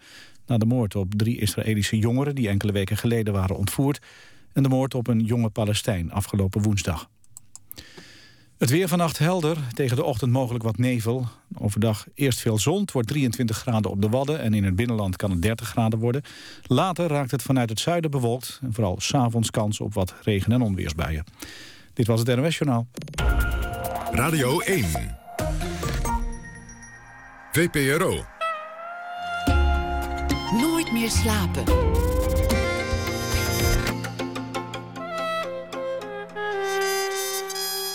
Met Pieter van der Wielen. U luistert naar Nooit meer slapen van de VPRO op Radio 1. We bellen elke dag met een schrijver om te vragen om een verhaal te maken op basis van iets dat die dag is gebeurd. Doen we deze week met Karin Amat Moekrim. Zij is schrijver van onder andere de romans Het Gim en De Man van Veel. Goeienacht. Goedemorgen, goeienacht, Pieter. Hoe gaat deze dag of afgelopen dag jouw geheugen in? Um, ik denk dat ik het net een beetje in het nieuws heb gehoord. Zo heb ik het ook gevoeld vandaag. Als iets uh, wat enorm uh, tegen, grote tegenstelling in zich draagt. Aan de ene kant uh, die jongeren in Israël. Hoe die over en weer zijn vermoord. En aan de andere kant het begin van de zomer. zo voelde het wel in de stad vandaag. Het was warm en iedereen was een beetje opgewonden en vrolijk en veel gelach. Um, dat was een beetje de dag van vandaag het nieuws werd beheerst door, ehm, door het geweld in het Midden-Oosten. En alle dreiging die daarvan uitgaat. En um, in het dagelijks leven was het gewoon een mooie zonnige dag. Ja. Die nooit meer terugkomt. Ja, het is een uh, schril contrast. Dus daar, uh, daar heb ik een stukje over geschreven. Ga je gang. Ja. Op de trappen van de kerk zitten meisjes in de zon. Hun benen, hun haren lang. Jonge zorgeloosheid is een zomer, een eeuwigdurend seizoen vol licht en lucht. Jongens op brommers rijden tijdloze rondjes, even verveeld als opgewonden om de meisjes, de benen lang, de haren zacht. De zomer houdt de stad in een innige omhelzing. We vrijen, we lachen, we dromen, we slapen. We slaan de kranten dicht als de ober de glazen voor ons neerzet. We keren onze gezichten naar het licht, staan de zon toe ons te strelen. We denken niet aan de jongens ontvoerd, gedood. We denken niet aan zinderende haat, haat zo heet dat je je brandt alleen al wanneer je eraan denkt. Want wie doodt een kind? Wie doet dat? Wie pakt een kind? Hij zat alleen maar zoals kinderen dat doen op een muurtje in de zon. Wie grijpt hem, sleurt hem weg? Wie heft zijn hand en slaat toe? Het jongenshart zo licht en zo vrij als dat van de meisjes op de trappen van de kerk is er een hemel voor de kinderen. En zullen ze elkaar daar ontmoeten. Lachen om hoe er beneden werd gevochten. Opgelucht dat ze nu zijn waar ze horen. Lucht, dat zijn ze, licht. een eeuwigdurende zomer van jonge zorgeloosheid. Ik zou iets heel plechtigs over, over die situatie kunnen zeggen, maar ik, ik kan het ook gewoon niet doen. Want, want ja, alles wat je, wat je zegt over dat soort dingen is, is uiteindelijk toch relatief zinloos, vind ik. Het is, ja, dat is het. Dat is het. En um, ja, ik, ja wat, ik wil, wat ik wil kan zeggen heb ik eigenlijk al, al gedaan. Het is dat je, je ziet een foto van, uh, van, van zo'n jongen van 16 in de krant. En uh, tien minuten later fiets je langs precies zulke jongens en precies zulke meisjes. Die uh, heel vrolijk zijn dat, uh, dat de zomer begint. En dat wens je natuurlijk al, al onze kinderen toe over de hele wereld. Dus. En tegelijk dat, dat het natuurlijk ook een, een kruidvat is dat zomaar een keer kan, kan knallen en, en ontploffen. De zomer, de zomer van 1914 was ook een prachtige zomer. De zomer van 1940 was een prachtige zomer. Dus prachtige zomers, dat wil niet meteen. Er gaat een soort gerustzaligheid vanuit, weet je wel. Dat, dat van, nou ja, het komt wel goed, het is lekker weer. Maar dat is historisch gezien natuurlijk helemaal niet gezegd. Waarmee ik ook niet wil zeggen dat het andersom, dat het gaat gebeuren hoor. Maar het een heeft gewoon bitter Maar weinig het heeft er wel het ander te alle schijn van op dit moment, ja. Dat het gaat ontploffen. Nou, die kant van de wereld, ik vind het, er, ik vind het behoorlijk eng. Ik vind, het- ik vind het behoorlijk eng. Het is ook Ja. behoorlijk eng, maar ja, het het kan ook wel weer. Je kan er eigenlijk gewoon geen zinnig woord over zeggen. Dat nee, is, ik kan eh, er geen zin in. Dat moeten we ook maar niet proberen, denk ik. nee, vertel nog even iets over die mooie dag die het hier was. Eh, Sorry voor deze abrupte Het overgang. was een heerlijke dag en het, het, was, het voelde ook als een belofte in die zin dat het letterlijk morgen nog mooier weer schijnt te worden. Hoe heb je hem en, eh, doorgebracht? Waar, waar was je? Ik was eh, in de stad van thuis in Amsterdam. En eh, ik zocht naar een vrolijk iets om over te schrijven voor, voor vanavond, voor vannacht. Eh, het begon in de stad, maar het lukte me niet om me los te maken van het beeld. En ik heb hem voor de rest, toen het stuk geschreven was, heb ik het vrij rustig doorgebracht verder. Niet, niet, niet veel spannends meegemaakt vandaag. Morgen dan. Morgen. Wens ik je voor nu een hele goede nacht. Dank voor je verhaal, Karin Ahmed Moedkrim. En eh, een goede nacht. Tot morgen. We gaan luisteren naar een van de mooiste stemmen die de geschiedenis van de soulmuziek ooit heeft voortgebracht. Dusty Springfield. Het nummer dat we draaien heet Spooky.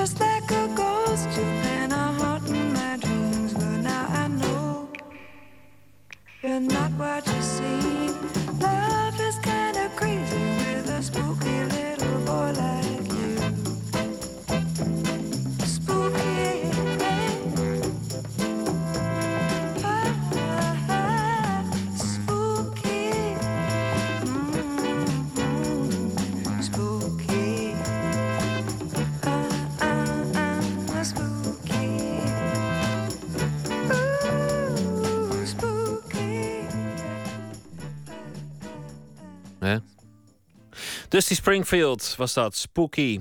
En dat kwam van een eh, album met alle singeltjes van 1963 tot 1970... met eh, ook alle B-kantjes er nog eens bij. Waar voor je geld.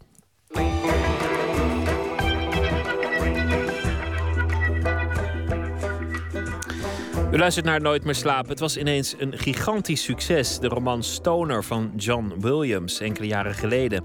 En sindsdien is de vergeten literaire klassieker bijna een genre geworden. Er verschijnen er steeds meer van herontdekte romans in de schappen van de boekwinkel. Het Letterenfonds heeft er zelfs een speciale naam voor geïntroduceerd: Schwab. En komende zondag vindt er zelfs een heus Schwabfest plaats. Verslaggever Tjitske Mussen sprak met vader en zoon Lukkerhof van de Kennemer Boekhandel in Haarlem over de herontdekte klassieker als redding voor het boekenvak. En ze sprak met NRC-recensent Arjen Fortuyn over de populariteit van de Nederlandse klassieker Een dwaze maagd van Ida Simons. Dat is momenteel een van de best verkochte boeken.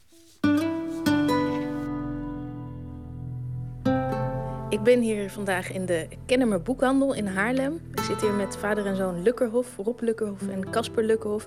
En Casper, jij bent straks ehm, op, eh, op Swapfest de, de, de moderator. Hè? Kun je eens vertellen wat het is, Swapfest?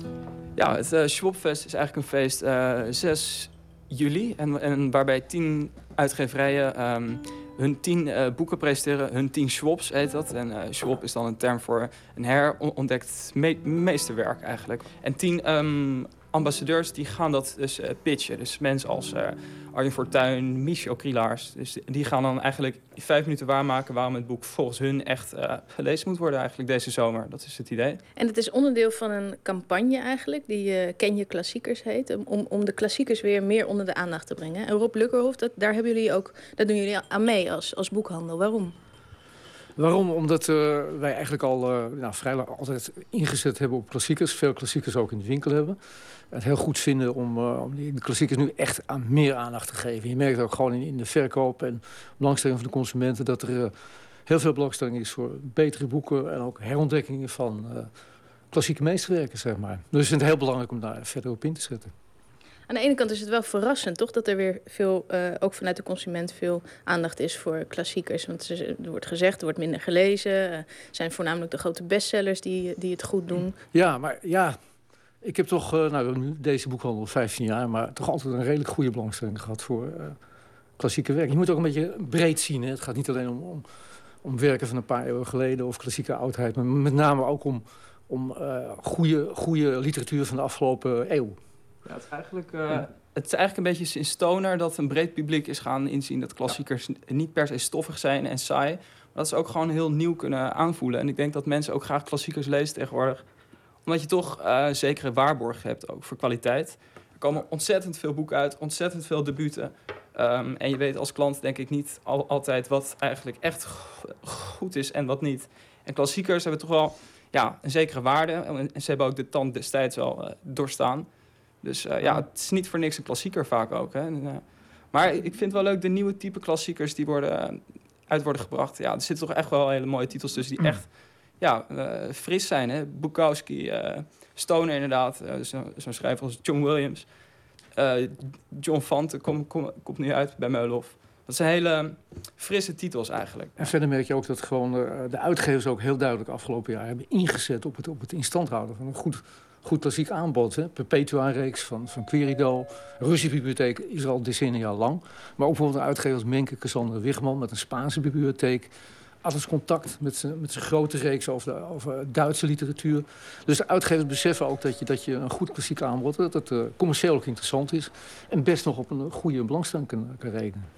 Maar betekent dat, dat dat klassiekers voor een boekhandel misschien wel interessanter zijn dan, dan nieuwe boeken? Voor mij althans, op dit moment wel. Ik wil ook uh, het aanbod in de klassieke heel sterk vergroten in de winkel. Ja, ja. Dus u zet echt in op die klassiekers om uh, misschien wel om te overleven? Of? Nou, nee, kijk, nou ja, het is, het is inzet op wat misschien een niche is, maar wat een hele duidelijk groeiende niche is. Momenteel zelfs een, een hype, als je dat van klassiekers kan, kan noemen. Maar het is ook een persoonlijke belangstelling. We allebei zijn heel ja. erg uh, gericht op uh, nou, goede, goede literatuur. Dus we vinden het ook een, uh, heel prettig om, om in te, in te focussen op, op die klassieken. En dat sterk uit te breiden.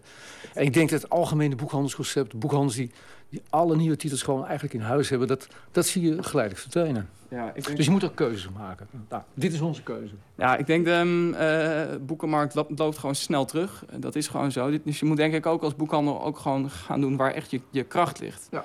Dus bepaalde genres lopen gewoon momenteel sterk terug, met name spanning. Dus uh, Ja, is dat zo? ja, nee, dat is echt zo. Dat is echt zo. Ik denk dat dat ook met name de genres zijn die uh, in deze tijd het sterkst gaan teruglopen. Omdat mensen gewoon overschakelen op e-books. Uh, en met, met name met die titels die je niet per se in je kast wil, wil hebben staan, maar gewoon wil lezen. En dan gewoon weer een nieuwe titel lezen. Ja, dat is gewoon vaak zo met, met spanning. Dus die genres zullen met name, denk ik, uh, ja, snel teruglopen nu. En dan zetten wij gewoon graag in op ja, uh, boeken die we zelf echt mooi vinden. Waar we en dat persoonlijk achter staan, wat we ook belangrijk vinden... dat het, uh, het publiek er kennis van kan nemen, goed presenteren. Dus wij willen ook bijvoorbeeld een uh, mooie splitsing gaan maken van... wat eigenlijk bijna niemand doet. Zet goede Duitse literatuur bij elkaar. Zet Franse bibliotheken bij elkaar. Doe dat niet alleen bij de Russen, maar ook met, met de Spaanse literatuur. En dan krijg je, de consument krijgt ook een veel beter inzicht van wat er allemaal verschijnt. Van Oorschot heeft een prachtige nieuwe Amerikaanse bibliotheek eigenlijk. Is hij aan het opzetten. De Bezig Bij is met een mooie uh, literaire klassieke serie bezig. Dat moet je laten zien. En als je dat verspreidt in je kasten tussen allerlei andere, ook uh, ja, minder literaire werken zet... dan verdwijnt het naar de consument en dan verdwijnt het ook in je boekhandel. Dus u zegt, zolang je het maar goed presenteert, dan, uh, dan verkoopt het ook. Ja, en, en goed kent ook. Ik bedoel, als, ja, je, moet dat, ja, je moet ook zelf persoonlijk een grote belangstelling voor klassieken hebben... anders kun je het niet, kun je het niet kwijt. Dus het is niet zo dat als straks die, die hype weer voorbij is... dat jullie dan uh, overschakelen op iets anders? Maar het is niet een hype, Het is, het is niet een hype. Ja, ik noem het even omdat op dit moment... via Swap en via Stoner het afgelopen jaar... het als een soort hype naar de consument overkomt. Maar klassieken zijn van alle tijden. Het is gewoon goede literatuur. En ik zie dat niet verdwijnen. Nee, tegendeel. Nee, het is inderdaad niet een hype, denk ik. Dit is gewoon, denk ik, hoe wij de toekomst ook van de ja. boekhandel gaan willen gaan doen. Gewoon meer inzetten op sterke literatuur titels waarvan wij inderdaad zelf ook denken, nou, dit is echt goed. Ja. En uh, ja, dat is denk ik een beetje de toekomst. Ik denk, al, alle boekhandels zullen zich uh, moeten gaan bedenken wat hun, hun, kracht is in deze tijd. En uh, zich specialiseren in de genres waar zij sterk in zijn. Want de boekhandel van vroeger met van alles wat, die, dat, dat gaat gewoon weg. Denk ik. Met alles wat, wat je daaromheen moet doen. Hè? Want het gaat niet alleen om het neerzetten van, van, van boeken... maar het gaat ook om het organiseren van evenementen... om uh, de goede lezingen te hebben. Wel een hele reeks lezingen ook over, over klassieken... het komend, uh, komend jaar op poot zetten. We zijn er al mee bezig. Dus je moet het zien als een, echt, hè, ja, een spectrum van activiteiten rond klassieken... Wat je, wat je de kans wil geven. Niet alleen maar klassiekers ook. We zaten bijvoorbeeld uh, vorige week na te denken over... dat we eigenlijk nu een soort van reeks willen gaan doen... met bijvoorbeeld avonden waarbij er steeds een avond in, in, in het thema staat van een land. Dus heb je een Spaanse avond, een ja. Franse avond. En dan mix je bijvoorbeeld klassiekers met mooie nieuwe ja. Spaanse titels als De Vlucht en zo. Ja. Dus uh, ja, dat, dat, dat is eigenlijk wel leuk. Als, als, bijvoorbeeld ook aan Franse literatuur denk je, je... Je kunt aan Flaubert denken, aan Balzac... maar je kunt ook Houellebecq of andere moderne uh, Franse schrijvers... die toch al een klassiek imago krijgen, daar, daarin zetten. En zeker ook Nederlandse literatuur. Want als je kijkt binnen het, uh, het aanbod aan klassieken... In, uh, nu, wat nu bij de Nederlandse uitgevers verschijnt... is er een beetje een onderwaardering toch van, de, van de, ons eigen klassieke Nederlandse werken. Ja, wat is nou een klassiek Nederlands werk dat echt ondergewaardeerd is volgens u? Met name bijvoorbeeld auteurs die, uh, die een Nederlands-Indië-achtergrond hebben. Hè? Als je kijkt naar hele grote schrijvers. Maria Dermout, Aya Zikke. Ze zijn niet meer te krijgen. Uh, is vorig jaar overleden. Een van de grootste schrijvers uh, naast Helle Hazen en uh, Maria Dermout over Nederlands-Indië. Geen boek meer op de markt. Dat vind ik jammer. Je hebt gezien aan het, aan het initiatief van Van Oorschot... er was jarenlang geen enkele aandacht voor Kambichelt. Eén prachtig uitgegeven boekje met 100 columns. En je ziet een enorme opleving van belangstelling voor Kambichelt. Dus die belangstelling is er wel, maar ebt een beetje weg. Binnen Haarlem, hier geboren, Alberts. Fantastische auteur. Helemaal in de vergetelheid geraakt. Vijftien jaar geleden schreef hij nog het boekenwerkgeschenk. Bij wijze van spreken. Ik bedoel, het is, dat vind ik jammer. En ik denk dat Nederlandse uitgevers ook meer moeten nadenken... over hoe ze hun eigen klassiek, hun eigen... Uh, ja, maar ja, daar, daar is dat, Schwo dat ook, ook ja. eigenlijk voor. Hè? Dat is echt hi hierom, om, om de deze reden. Om, uh, veel um, uitgeverijen hebben echt verborgen goud liggen. Ja. Hè? En, en die, die gaan er nu, nu mee aan de slag. Arjen Fortuyn, uh, literair recensent voor NRC Handelsblad. Jij bent zondag ook van de partij bij Schwopfest in Haarlem. Um, kun je zeggen dat er sprake is van een, een, een opleving van de herontdekte klassieker? Het is in ieder geval zo dat er bij uitgevers een enorm verlangen is om uh, klassiekers onder de aandacht te brengen. Wat vooral komt door het enorme succes vorig jaar van Stoner, van John Williams. Wat echt waanzinnig veel verkocht heeft. En nu is iedereen op zoek naar nog iets wat zeg maar, uit een schatkamer komt. Dus het is vooral vanuit commerciële belangen dat daar nu uh, zoveel aandacht voor is? Nou, het is ook wel een soort oprecht verlangen, denk ik, bij uitgevers. Die moeten altijd ook geld verdienen. Maar om dat te doen met dingen waar ze ook echt uh, heel enthousiast over zijn en blij van worden. En dat geldt voor veel van die boeken die tientallen jaren overleefd hebben. Geldt natuurlijk dat ze inderdaad iets hebben wat niet, uh, wat niet de waan van de dag is. En daar worden, nou daar worden mensen heel blij van. En zeker als mensen het dan gaan kopen, dan gaan uitgevers... die doen elkaar altijd na. Dus die zoeken dan iets wat een even groot succes zou kunnen zijn. En hoe verklaar je dan dat mensen dat wel gaan kopen? Ik bedoel, we hadden ook eh, de host van uh, 50 Tinten Grijs... en, uh, en allemaal van die bestsellers die wat van minder literaire kwaliteit zijn. Hoe verklaar je dat mensen dan nu toch die klassiekers weer erbij pakken? Ik denk dat het zo is dat mensen heel... De, er zijn heel veel boeken die mensen heel mooi zouden vinden... als ze ze lazen en die ze dus zouden kunnen kopen. En klassiekers is nu iets wat de aandacht van mensen trekt. Dus gaan ze het sneller uitproberen en lezen dan krijg je al snel een sneeuwbaleffect. Als zo'n boek mooi is, dat, ze, dat mensen het aan elkaar cadeau gaan geven. En nou ja, voor je het weet zit je op duizenden exemplaren van een boek... waarvan je dat helemaal niet had verwacht. Nou ga jij zondag een pleidooi houden voor uh, Ida Simons, uh, Een dwaze maagd. Waarom is dat zo'n goed boek?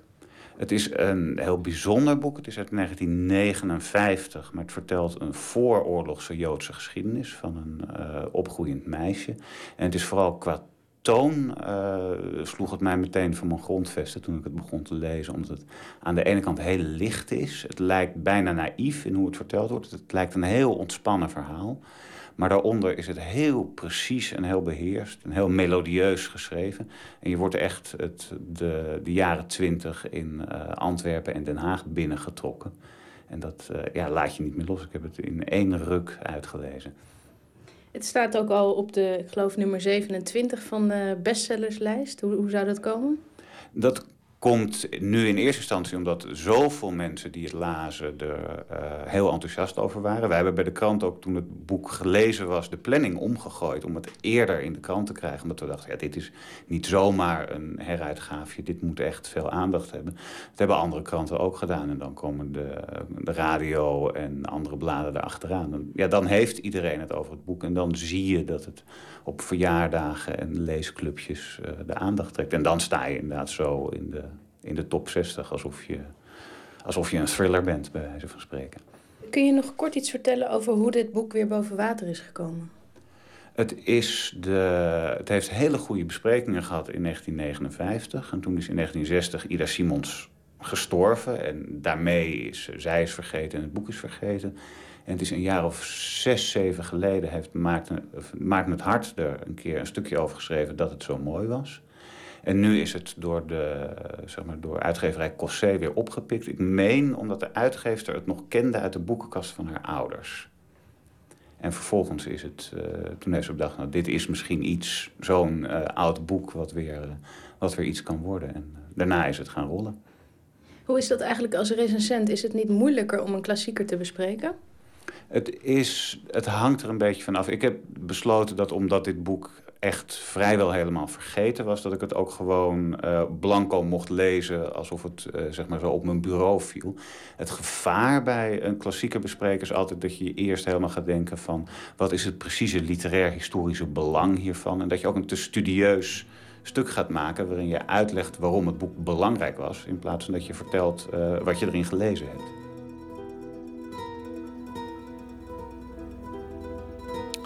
Shropfest dus komende zondag van 4 tot 8 in de lichtfabriek in Haarlem. Waar je dus uh, meer klassiekers kunt herontdekken. Meer informatie op schwab.nl. Zal ik het spellen? S-C-H-W-O-B.nl. En als u ook een uh, vergeten boek weet dat u als advies zou willen dienen voor anderen, dan uh, kunt u daar ook uh, terecht. Folly and the Hunter is een indie folk groep uit Canada. Onlangs verscheen hun CD Tragic Care. Het nummer dat wij draaien, There Are No Great Redeemers.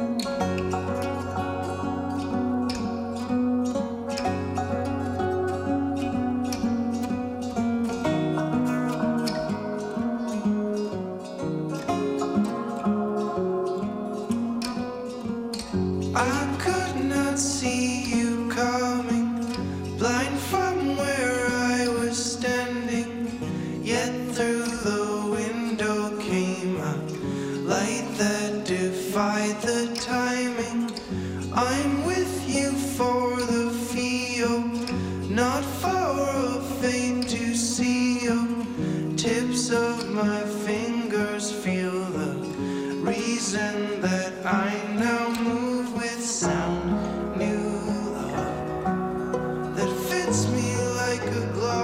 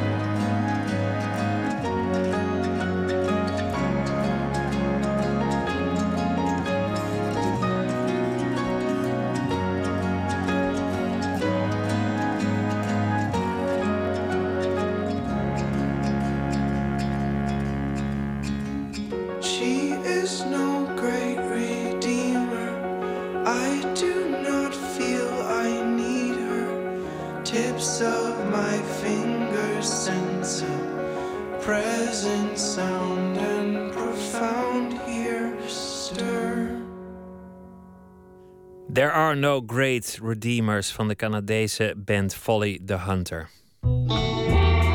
Nooit meer slapen. De Amsterdam Fashion Week. Twee keer per jaar vindt die eh, plaats. Eén keer in de winter, één keer in de zomer. Want je hebt natuurlijk twee collecties nodig. En eh, de komende tien dagen is het tijd voor de zomereditie van die Amsterdam Fashion Week. Aan de telefoon modejournalist en stijl-icoon Aynouk Tan. Goeienacht. Goedenacht, Pieter. Ja, Londen, Milaan, Parijs, dat, dat zijn toch wel de belangrijke modesteden. Maar in Amsterdam gebeurt er de laatste tijd toch ook wel heel veel. Is, Ja. is dat dan de vierde modestad? Kan je dat al zeggen? Nou, zo, zo, zo eh, strikt zou ik het niet willen zeggen. Ehm, ik zou wel willen zeggen dat eh, in vergelijking met mode of eh, de modeweken in Milaan en Parijs, dat Amsterdam toch een ander karakter heeft. En dat is ook heel bijzonder, omdat eh, zij eigenlijk deze editie, het is de 21ste editie alweer, tien jaar geleden begonnen. Ehm, van 4 tot, eh, tot 14 juli vindt het plaats. En wat het opvallende is, is denk ik aan deze, is sowieso aan Amsterdam als modestad, maar ook aan deze editie, dat je ziet dat er een veel breder programma is. eh, een, heel breed, divers en laagdrempelig programma is ingezet, waar iedereen eigenlijk welkom bent en is, het publiek, eigenlijk iedereen. En je ziet eigenlijk dat tien jaar geleden toen het begon, en dat zie je eigenlijk nog steeds in modesteden als eh, Milaan en Parijs eh, terug, dat, ehm, eh, er voor, voorheen eigenlijk heel erg ingezet werd op catwalk shows. En die werden dan vers- er werd verslag van gedaan in magazines en in kranten. En nu zie je eigenlijk dat eh, dat accent helemaal niet meer op die catwalk shows ligt. Maar dat er ook heel veel accent ligt op eh, evenementen in de stad, eh, in cafés, in... eh, Ehm, in Jap Jum, hè, de oude hoerentent, vindt zelf iets plaats. Eh, er is een tableau vivant in het Van Gogh Museum. Eh, er is de tuin van het Bijbelsmuseum is aangekleed. In het Lloyd Hotel vinden dingen plaats. Nou, ik kan zo nog wel even doorgaan. Dansmakers aan het ei die doen iets met mode. Er zijn Kortom- workshops, lezingen. Ja, dus het is een heel breed en leuk programma. Dus, eh, dus dat En voor leuk dat- iedereen, ja, want, want voor de iedereen. essentie van de modeweek in Parijs is eigenlijk dat het voor celebrities en, en andere belangrijke Ja. mensen is. Ja. En dat de rest van de mensen niet eens in de buurt van het dranghek mogen komen. Nee, nou die tijd hebben we toch echt heel duidelijk gehad. Eh, dat, dat hele elitaire is, is echt over. Dat zie je ook aan deze fashion, programmering van deze Fashion Week. Dat, eh, dat ontwerpers hun mode presenteren bijvoorbeeld eh, via verschillende disciplines. Dus er is bijvoorbeeld, gaat iemand een modefilm hij, maar daarnaast doet hij op deze catwalk show... eh, of tijdens deze modeweek doet hij iets op eh, een talkshow bij het Stedelijk Museum. Een van de voorbeelden daarvan is bijvoorbeeld eh Borre Akkerman. Die heeft de Dutch Design Academy gedaan. Dus oorspronkelijk ook geen modeontwerper, meer een productontwerper. En wat hij doet is heel erg naar textiel kijken. Hoe textiel gemaakt wordt. Hij heeft bijvoorbeeld een oude matrassenfabriek heeft hij ooit ontdekt. En daar is hij kleding in gaan maken. Dat betekent dat kleding eigenlijk er heel anders uit gaat zien. En dat het ook eh, op een andere manier gemaakt en geweven wordt. Daar vertelt hij over het Stedelijk Museum. En op zijn site kan je daar bijvoorbeeld een hele mooie gestileerde film eh, zien... waar hij ook een Dutch Design Award mee heeft gewonnen. En dat, zo zie je dat, eh, dat de manier waarop modeontwerpers zich presenteren eigenlijk heel anders wordt. Wat ook heel leuk is, een aanrader op 11 juli, is de Anti-Fashion Party. Dat is Bas Kosters, die een feest elke modeweek organiseert. En daar kan je eigenlijk echt letterlijk ondergedompeld worden in zijn wereld. Dus dat is eigenlijk ook weer een hele andere manier om mode te presenteren. Dus je, je kleed je ook een beetje aan zoals Bas. Althans, dat doen de meeste mensen. En als je dat niet wil, dan hoeft dat ook niet. Maar er staan er wel genoeg mensen die ook in zijn hele kleurige... ehm, eh, ja, eh, ja, hoe moet je het eigenlijk opschrijven? Een hele grappige, leuke, ja, piemel, piemelleggings maakt hij ook. Dus die hangen daar in het rond en dan hebben kleren mensen dat aan, performers. En dan kan je eigenlijk naar dat feest. En zo kan je ook eigenlijk die mode letterlijk eh, in zintuigelijke zin eh, beleven. Dus dat is heel Piemel erg leuk. leggings? Hm. Wat is Bas het? Kosters, ja, Bas Kosters is, ehm, die, die, ja, god, ken je, ken je hem niet? Een, pie- een legging? Ja, nou ja, hij heeft een legging gemaakt met allemaal piemels. Hij heeft ook heel veel erotische referenties. Oh, dat is gewoon een, een legging met meerdere pijpen ja, eigenlijk. Een legging, een legging met meerdere pijpen. Is Oké, ja, is kleurrijk. makkelijk. Ja. Precies, ja. En, nou, nee, nee, nee, het is, niet met verschillende pijpen. Het, is, het heeft een print. Een print met eh eh, piemels erop. Oh, oké. Eh, ja, precies. Dus, en hij doet ook, hij is iemand die eh, ook bekend is geworden door zijn performances in de mode. Dus ook niet per definitie dat hij standaard een catwalk show doet. Maar hij, hij presenteert zichzelf en zijn mode ook door verschillende disciplines. Waaronder dus een feest ook. En eh, nou, dan kunnen, kun, kan iedereen naartoe. Volgens mij moet je kaartje kopen voor 7 euro. Maar, maar de En, vraag ehm, is eigenlijk, want, ja. want ehm, met weinig celebrity, weinig catwalk, veel toegankelijkheid, anti-fashion parties, Ja. eh, op meerdere locaties, grote publiekse evenementen. Kan het? Kan mode bestaan zonder de kunst van het rijken, de kunst van het bijna buitengesloten worden, de, de angst van het buitengesloten worden? Ja, nou, Kan dat werken?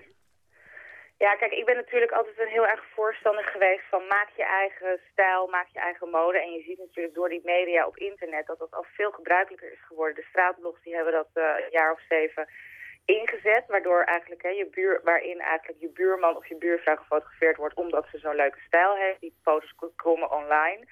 En ehm, daar, daar, dat werkt als een inspiratie voor mensen. En ehm, dus ik denk niet dat het buitengesloten zijn iets is wat mode moet zijn. Maar, en er blijven idolen. Alleen die idolen veranderen. Die idolen kunnen ook je buurvrouw of buurman worden. Of die leuke Dus ontwerper. je, die je nou blijft rijken, maar de kunst van, van het verleiden kan ook gebeuren door iemand die niet per definitie een celebrity is. Ja, en ik denk ook dat het hele elitaire eh, eh, Gucci bijvoorbeeld, hè, dat, je, dat je buitengesloten wordt, eh, was per definitie ehm, een reden waarom iets duur is. Of waarom iets goed is, of waarom iets mode is. Dus door het eh, buitengesloten worden, wordt het eigenlijk mode. En dat is natuurlijk eigenlijk een onzinnig systeem ergens. Ehm, en dat wordt eigenlijk letterlijk afgebroken, ook doordat er zoveel eh, macht komt vanuit, die, vanuit de burgers en vanuit de massa, door die sociale media, die zichzelf daardoor daarop presenteren. Het democratiseert. Dus- democratiseert en mensen met een bijzondere stijl, die zijn eigenlijk echte stijliconen. Mensen met karakter, mensen met een eigen visie. Ehm, eh, en dat zie je gewoon heel erg in die mode terug. Dus die uniekheid die blijft echt wel. Alleen niet per definitie doordat iemand buitengesloten moet worden. Ga je zelf nog een iets hele doen? ontwikkeling, denk ik. Want je bent zelf ook iemand van ehm, nou ja, een, een stijl-icoon en ook iemand die eh, heel veel dingen doet in de mode. Heb je zelf Mhm. Ja. een evenement deze Fashion Week? Eh, nee, ik ben al- altijd fan van, eh, van Bas. Dus ik ga zeker op die anti-fashion. Vorige week, op vorige editie ben ik daar eh, als performer ook aan de slag gegaan. En nu word ik heel toevallig gevolgd door een Londense cameraploeg. die een realityster de wereld over laat, reizen om allerlei evenementen in Europa en vooral de mode-evenementen in Europa te bezoeken. En die ga ik voor deze editie rondleiden. Dus dan ga ik ook naar be- bepaalde shows en bepaalde borrels, evenementen die ik eigenlijk net beschreef. Daar heb ik een selectie uitgemaakt en eh, die ga ik met hun bezoeken. Nou, veel plezier. De Amsterdam Fashion Week van eh, 4 juli tot 14 juli. En de opening is in het Van Gogh Museum. Aynouk Tan, dankjewel en een hele goede nacht voor nu. Ja, graag gedaan.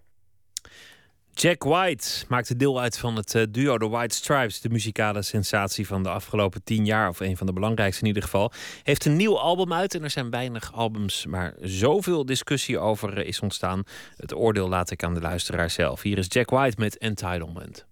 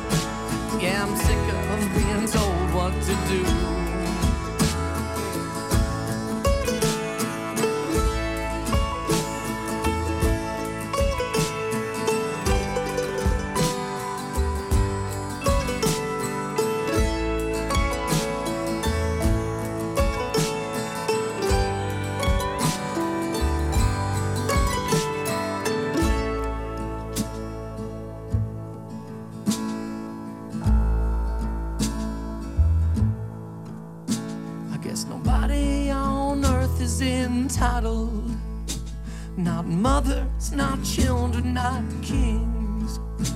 Not one single person on God's golden shore is entitled to one single thing. We don't deserve a single damn thing. Jack White van zijn nieuwe plaat Entitlement heet het nummer.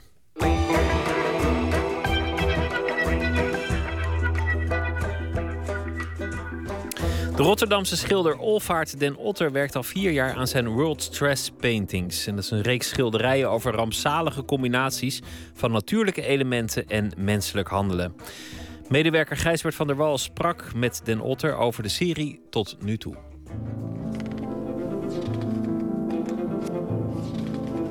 Hier zie je een eh, versimpeld beeld van de gekantelde Concordia, het Italiaanse cruiseschip. Daar heb ik er nog één van hier.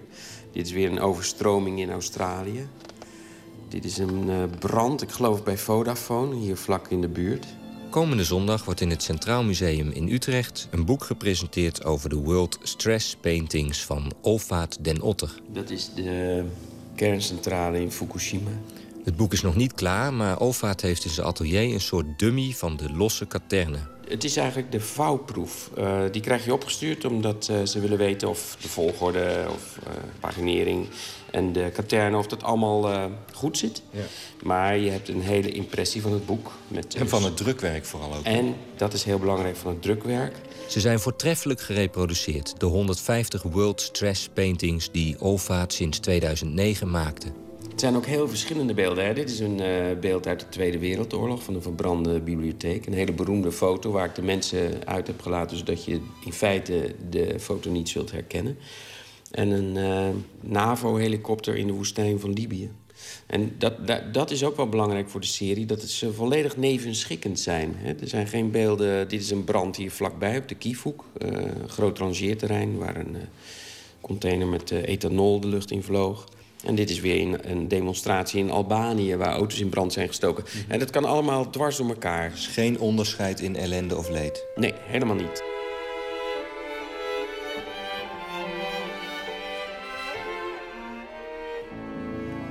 Het zijn allemaal kleine werken waarop een catastrofe te zien is. Ze zijn geordend naar de vier elementen. Het is dus vuur, water, aarde of lucht. Vroeger werd dat gezien als eh, de vier elementen waaruit de hele wereld is opgebouwd. En ik ben gefocust op hoe de wereld wordt afgebroken via die vier elementen. Ik gebruik krantenartikelen, krantenfoto's. Eh, die selecteer ik op een paar criteria. Die elementen moeten zichtbaar zijn. Maar het moeten ook dingen zijn waar alleen de mensenhand bij betrokken is. Dus als het gaat om een eh, vulkaanuitbarsting, dan kan ik hem niet gebruiken. Een aardbeving ook niet. Een tsunami in feite ook niet. Tenzij de tsunami een eh, kerncentrale treft. En eh, dan weer duidelijk maakt dat, dat de dingen misschien niet helemaal goed zijn aangepakt. De achterliggende gedachte is dat. eh, nou, ik ben van 1955. Ik ben opgegroeid met het idee van een maakbare samenleving. En als er technische problemen waren, en die waren er. Ik, ik woonde in een zwaar vervuild eh, gebied in Rotterdam. En dan kwamen er snuffelpalen. En als er dan eh, eens een keer smok was, dan, eh, dan, dan werd de st- industrie stilgelegd. Dus we hadden alles wel onder controle.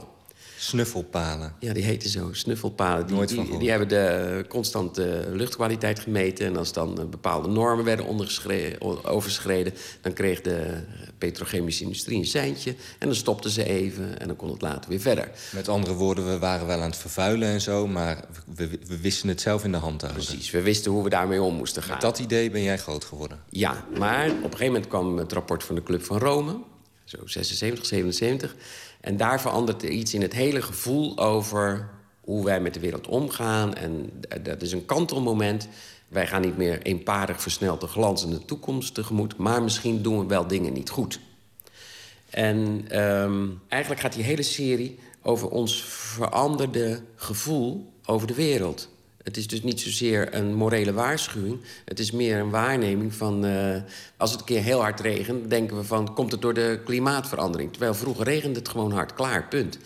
En dat verschil... Nu vraag je je af, is het soms mijn schuld? Juist. Hè, vroeger kon je denken van, ik ben slachtoffer van deze overstroming. Maar nu kan je denken, ben ik soms dader? En dat maakt een enorm verschil voor je hele beleving uit. En deze serie, ja, je zou kunnen zeggen... illustreert of geeft, geeft beeld aan dat enorme verschil in paradigma. Ja, want nogmaals, het zijn dus catastrofes die worden veroorzaakt door een combinatie van een van die elementen, dus van de natuur, en mensenhand, iets wat, wat ons boven het hoofd gegroeid is, industrie of wat dan ook. Ja, maar er zitten ook oorlogsmisdaden bij en eh, allerlei... allerlei... Dus mensenhand in de breedste zin. Precies.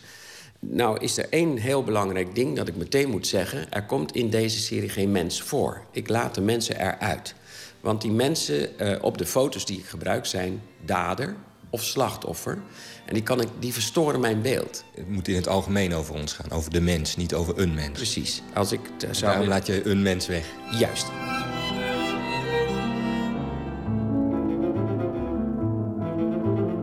Maar jij bent dus een schilder die... Dat zei trouwens ook de vorige keer dat ik je sprak. Toen zei je, ik wil graag in mijn werk de grote vragen stellen. Ja, dat, eh, dat is nogal wat, hè? Ik bedoel, je bent je dus heel erg bewust van de wereld... en de politiek en de samenleving en de... Als, jij de- als ik de krant opensla, dan blader ik meteen door naar het culturele bijlage. Dan lees ik wat voor nieuwe boeken er verschenen zijn... of wat voor tentoonstellingen geopend. Maar jij trekt je het wereldnieuws aan. Sterker nog, jij verteert het in je werk.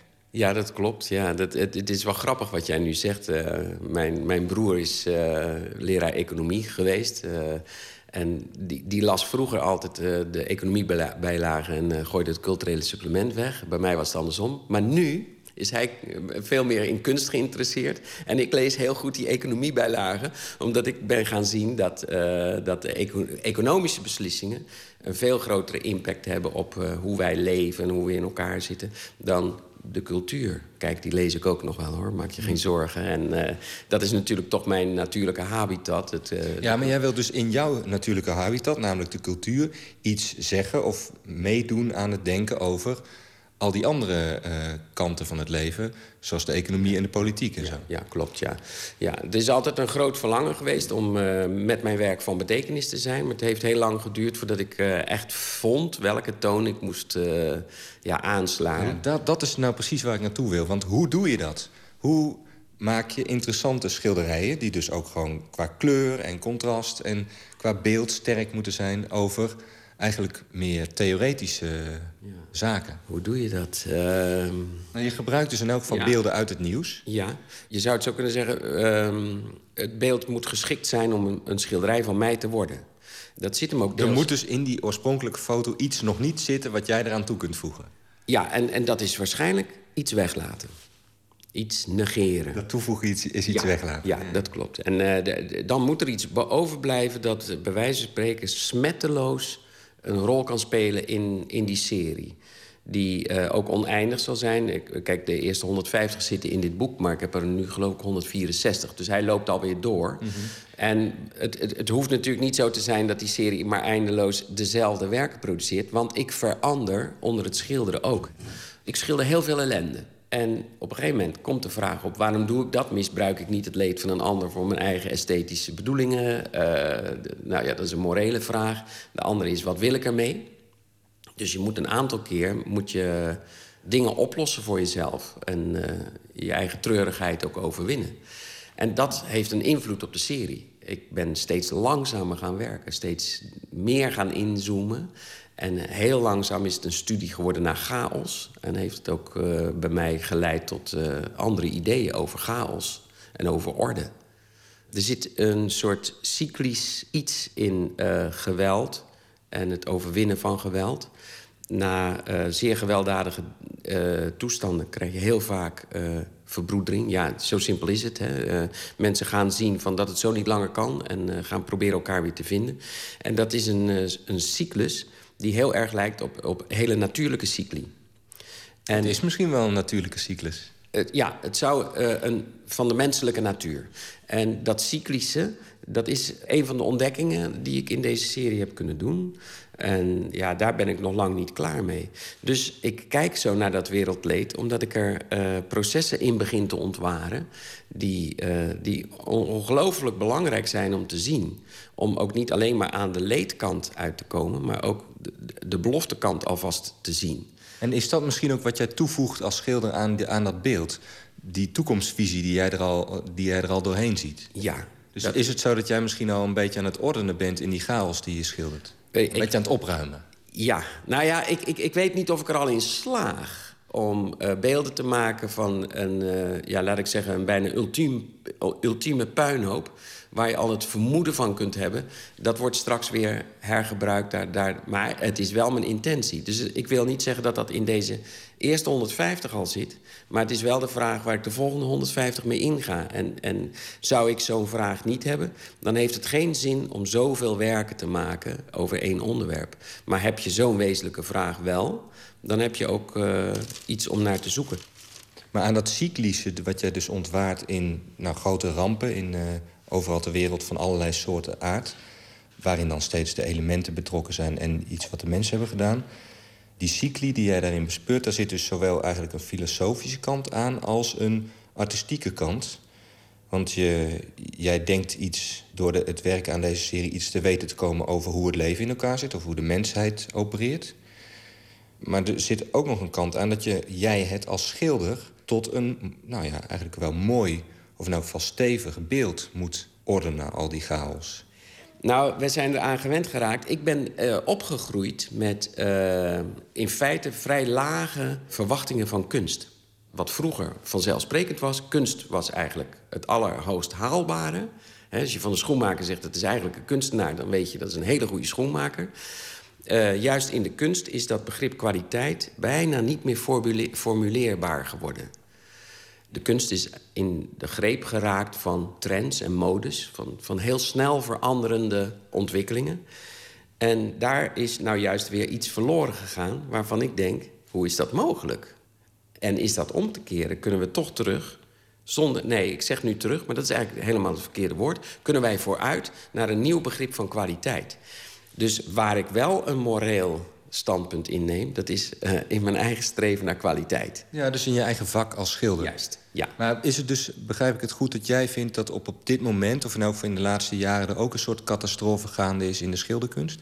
Of in de kunst? Nou, de, in de allerlaatste jaren is er een herwaardering voor mijn manier van doen. Dat merk ik ook zelf. Ja, maar benoem even, wat is jouw manier van doen? Is dus... Nou ja, eh, het woord ambacht is ook heel lang een heel moeilijk begrip geweest. En dat is eh, aan, een, aan een waanzinnige opmars eh, bezig. Hè. Het gaat niet meer alleen maar om het idee dat je hebt als kunstenaar. Je moet het idee ook kunnen visualiseren in een, in een sterk beeld. Ja, maar nou Dat- zeg dat je het goed, hè? Want het gaat niet alleen om het idee. Maar het gaat wel om het idee. Als, als de ambachtsman dus het idee zou veronachtzamen... heb je ook weer niks. Mhm. Het gaat om een ongelooflijk hecht verbond... tussen goede ideeën en een smetteloze uitvoering daarvan. Als ik nou een ideaal heb, dan is dat ik mijn hele proces in niets wil verstoren. Dat ik wil dat het eigenlijk allemaal... Ja, zo soepel mogelijk tot een dan ook goed product leidt. En goed in feite in alle aspecten van het woord goed. Ja. Terwijl we hebben een periode achter ons liggen... waarin het in de kunst meer om het concept ging, om het idee... en de uitvoering er niet zo toe deed. Ja, het mocht ook met... Vaak ook tekortschoot. Met, met, met, met, eh, met poep en stro. En daar was ik helemaal niet op tegen. Ik Daar kun je ook iets moois mee maken. Maar ik begrijp het ook. Ik begrijp het ook. Maar ik ben het wel gaan zien, die, die luchtigheid en die vluchtigheid... als een soort muizenval waar we allemaal maar ingelopen zijn. Want dat is eh, een, een spiegeling van, ja, ook heel, van een groot consumentisme. Van het hoeft helemaal niet zo lang, het mag best ook weer weg. En het doet er eigenlijk ook allemaal helemaal niet toe. Zo dat postmoderne idee van anything goes. Ja, het doet er wel toe. Het doet er enorm toe. Eh, juist, juist in ons hele beslissingsprogramma doet het er enorm toe of we kiezen voor ongelooflijk goed en duurzaam en blijvend. En Of- dus, en dus ook bijvoorbeeld schilderijen die er over 100 jaar nog zijn... en ook dan nog de, de artistieke toets der kritiek kunnen doorstaan. Ja, waarom niet? Waarom is daar een verbod op? Kom op. Nee, dat, dat, eh, en, en, en niet iedereen hoeft dat te doen. Het, we hoeven niet allemaal ineens eh, weer voor de eeuwigheid te werken. Maar ik wel. Aldus de Rotterdamse schilder Olvaart den Otter. Kleine keuze van zijn World Stress Paintings zijn eh, te zien vanaf komende week in het Centraal Museum te Utrecht. En daar verschijnt ook een eh, boek bij, een bijdrage van Gijsbert van der Wal. Een legende uit de R&B-muziek, Bobby Bland, met een van zijn mooiste nummers, Take Care of You.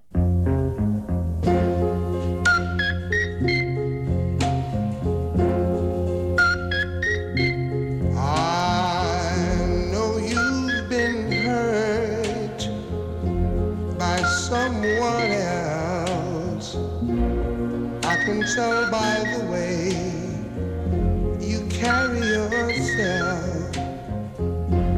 But if you let me, here's what I'll do. I'll take care of you. I I loved and lost the same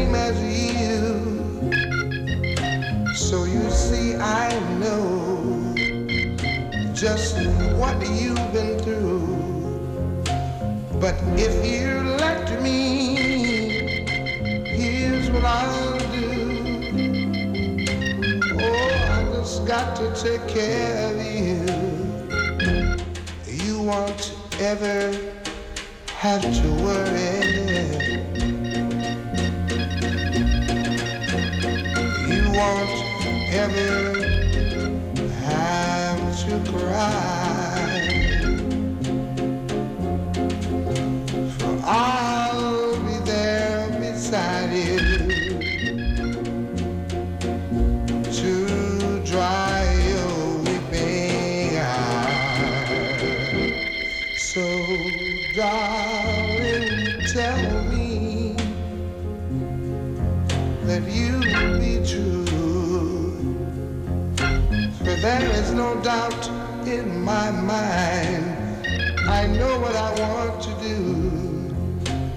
Just as sure as one and one is two, well, you know I'll take care of you. I'll take care of you. I'll take care. Bobby Bland, Take Care of You. Morgen in Nooit meer slapen Peter Zegveld. Hij tekent, schildert, hij maakt beelden, hij speelt theater, hij componeert muziek, hij dirigeert koren, hij geeft concerten en performances, hij maakt televisieprogramma's, animatiefilms. Hij verdiept zich in de natuurkundige principes, het licht, lucht, geluid en zwaartekracht. En er zijn vast nog veel meer dingen die gaan we morgen allemaal eh, uitvogelen met hem. Want dan is hij te gast in Nooit meer slapen. Dit was het voor vannacht. Morgen een eh, leuke dag en graag weer tot morgen na middernacht. Straks op deze zender de Nachtzuster met eh, Astrid de Jong. En die doet dat voor de 200ste keer alweer. Tijd voor kaas, leverworst, bubbel, champagne. En u kunt haar allemaal feliciteren via de daartoe geëigende kanalen. Ik wens u een hele goede nacht.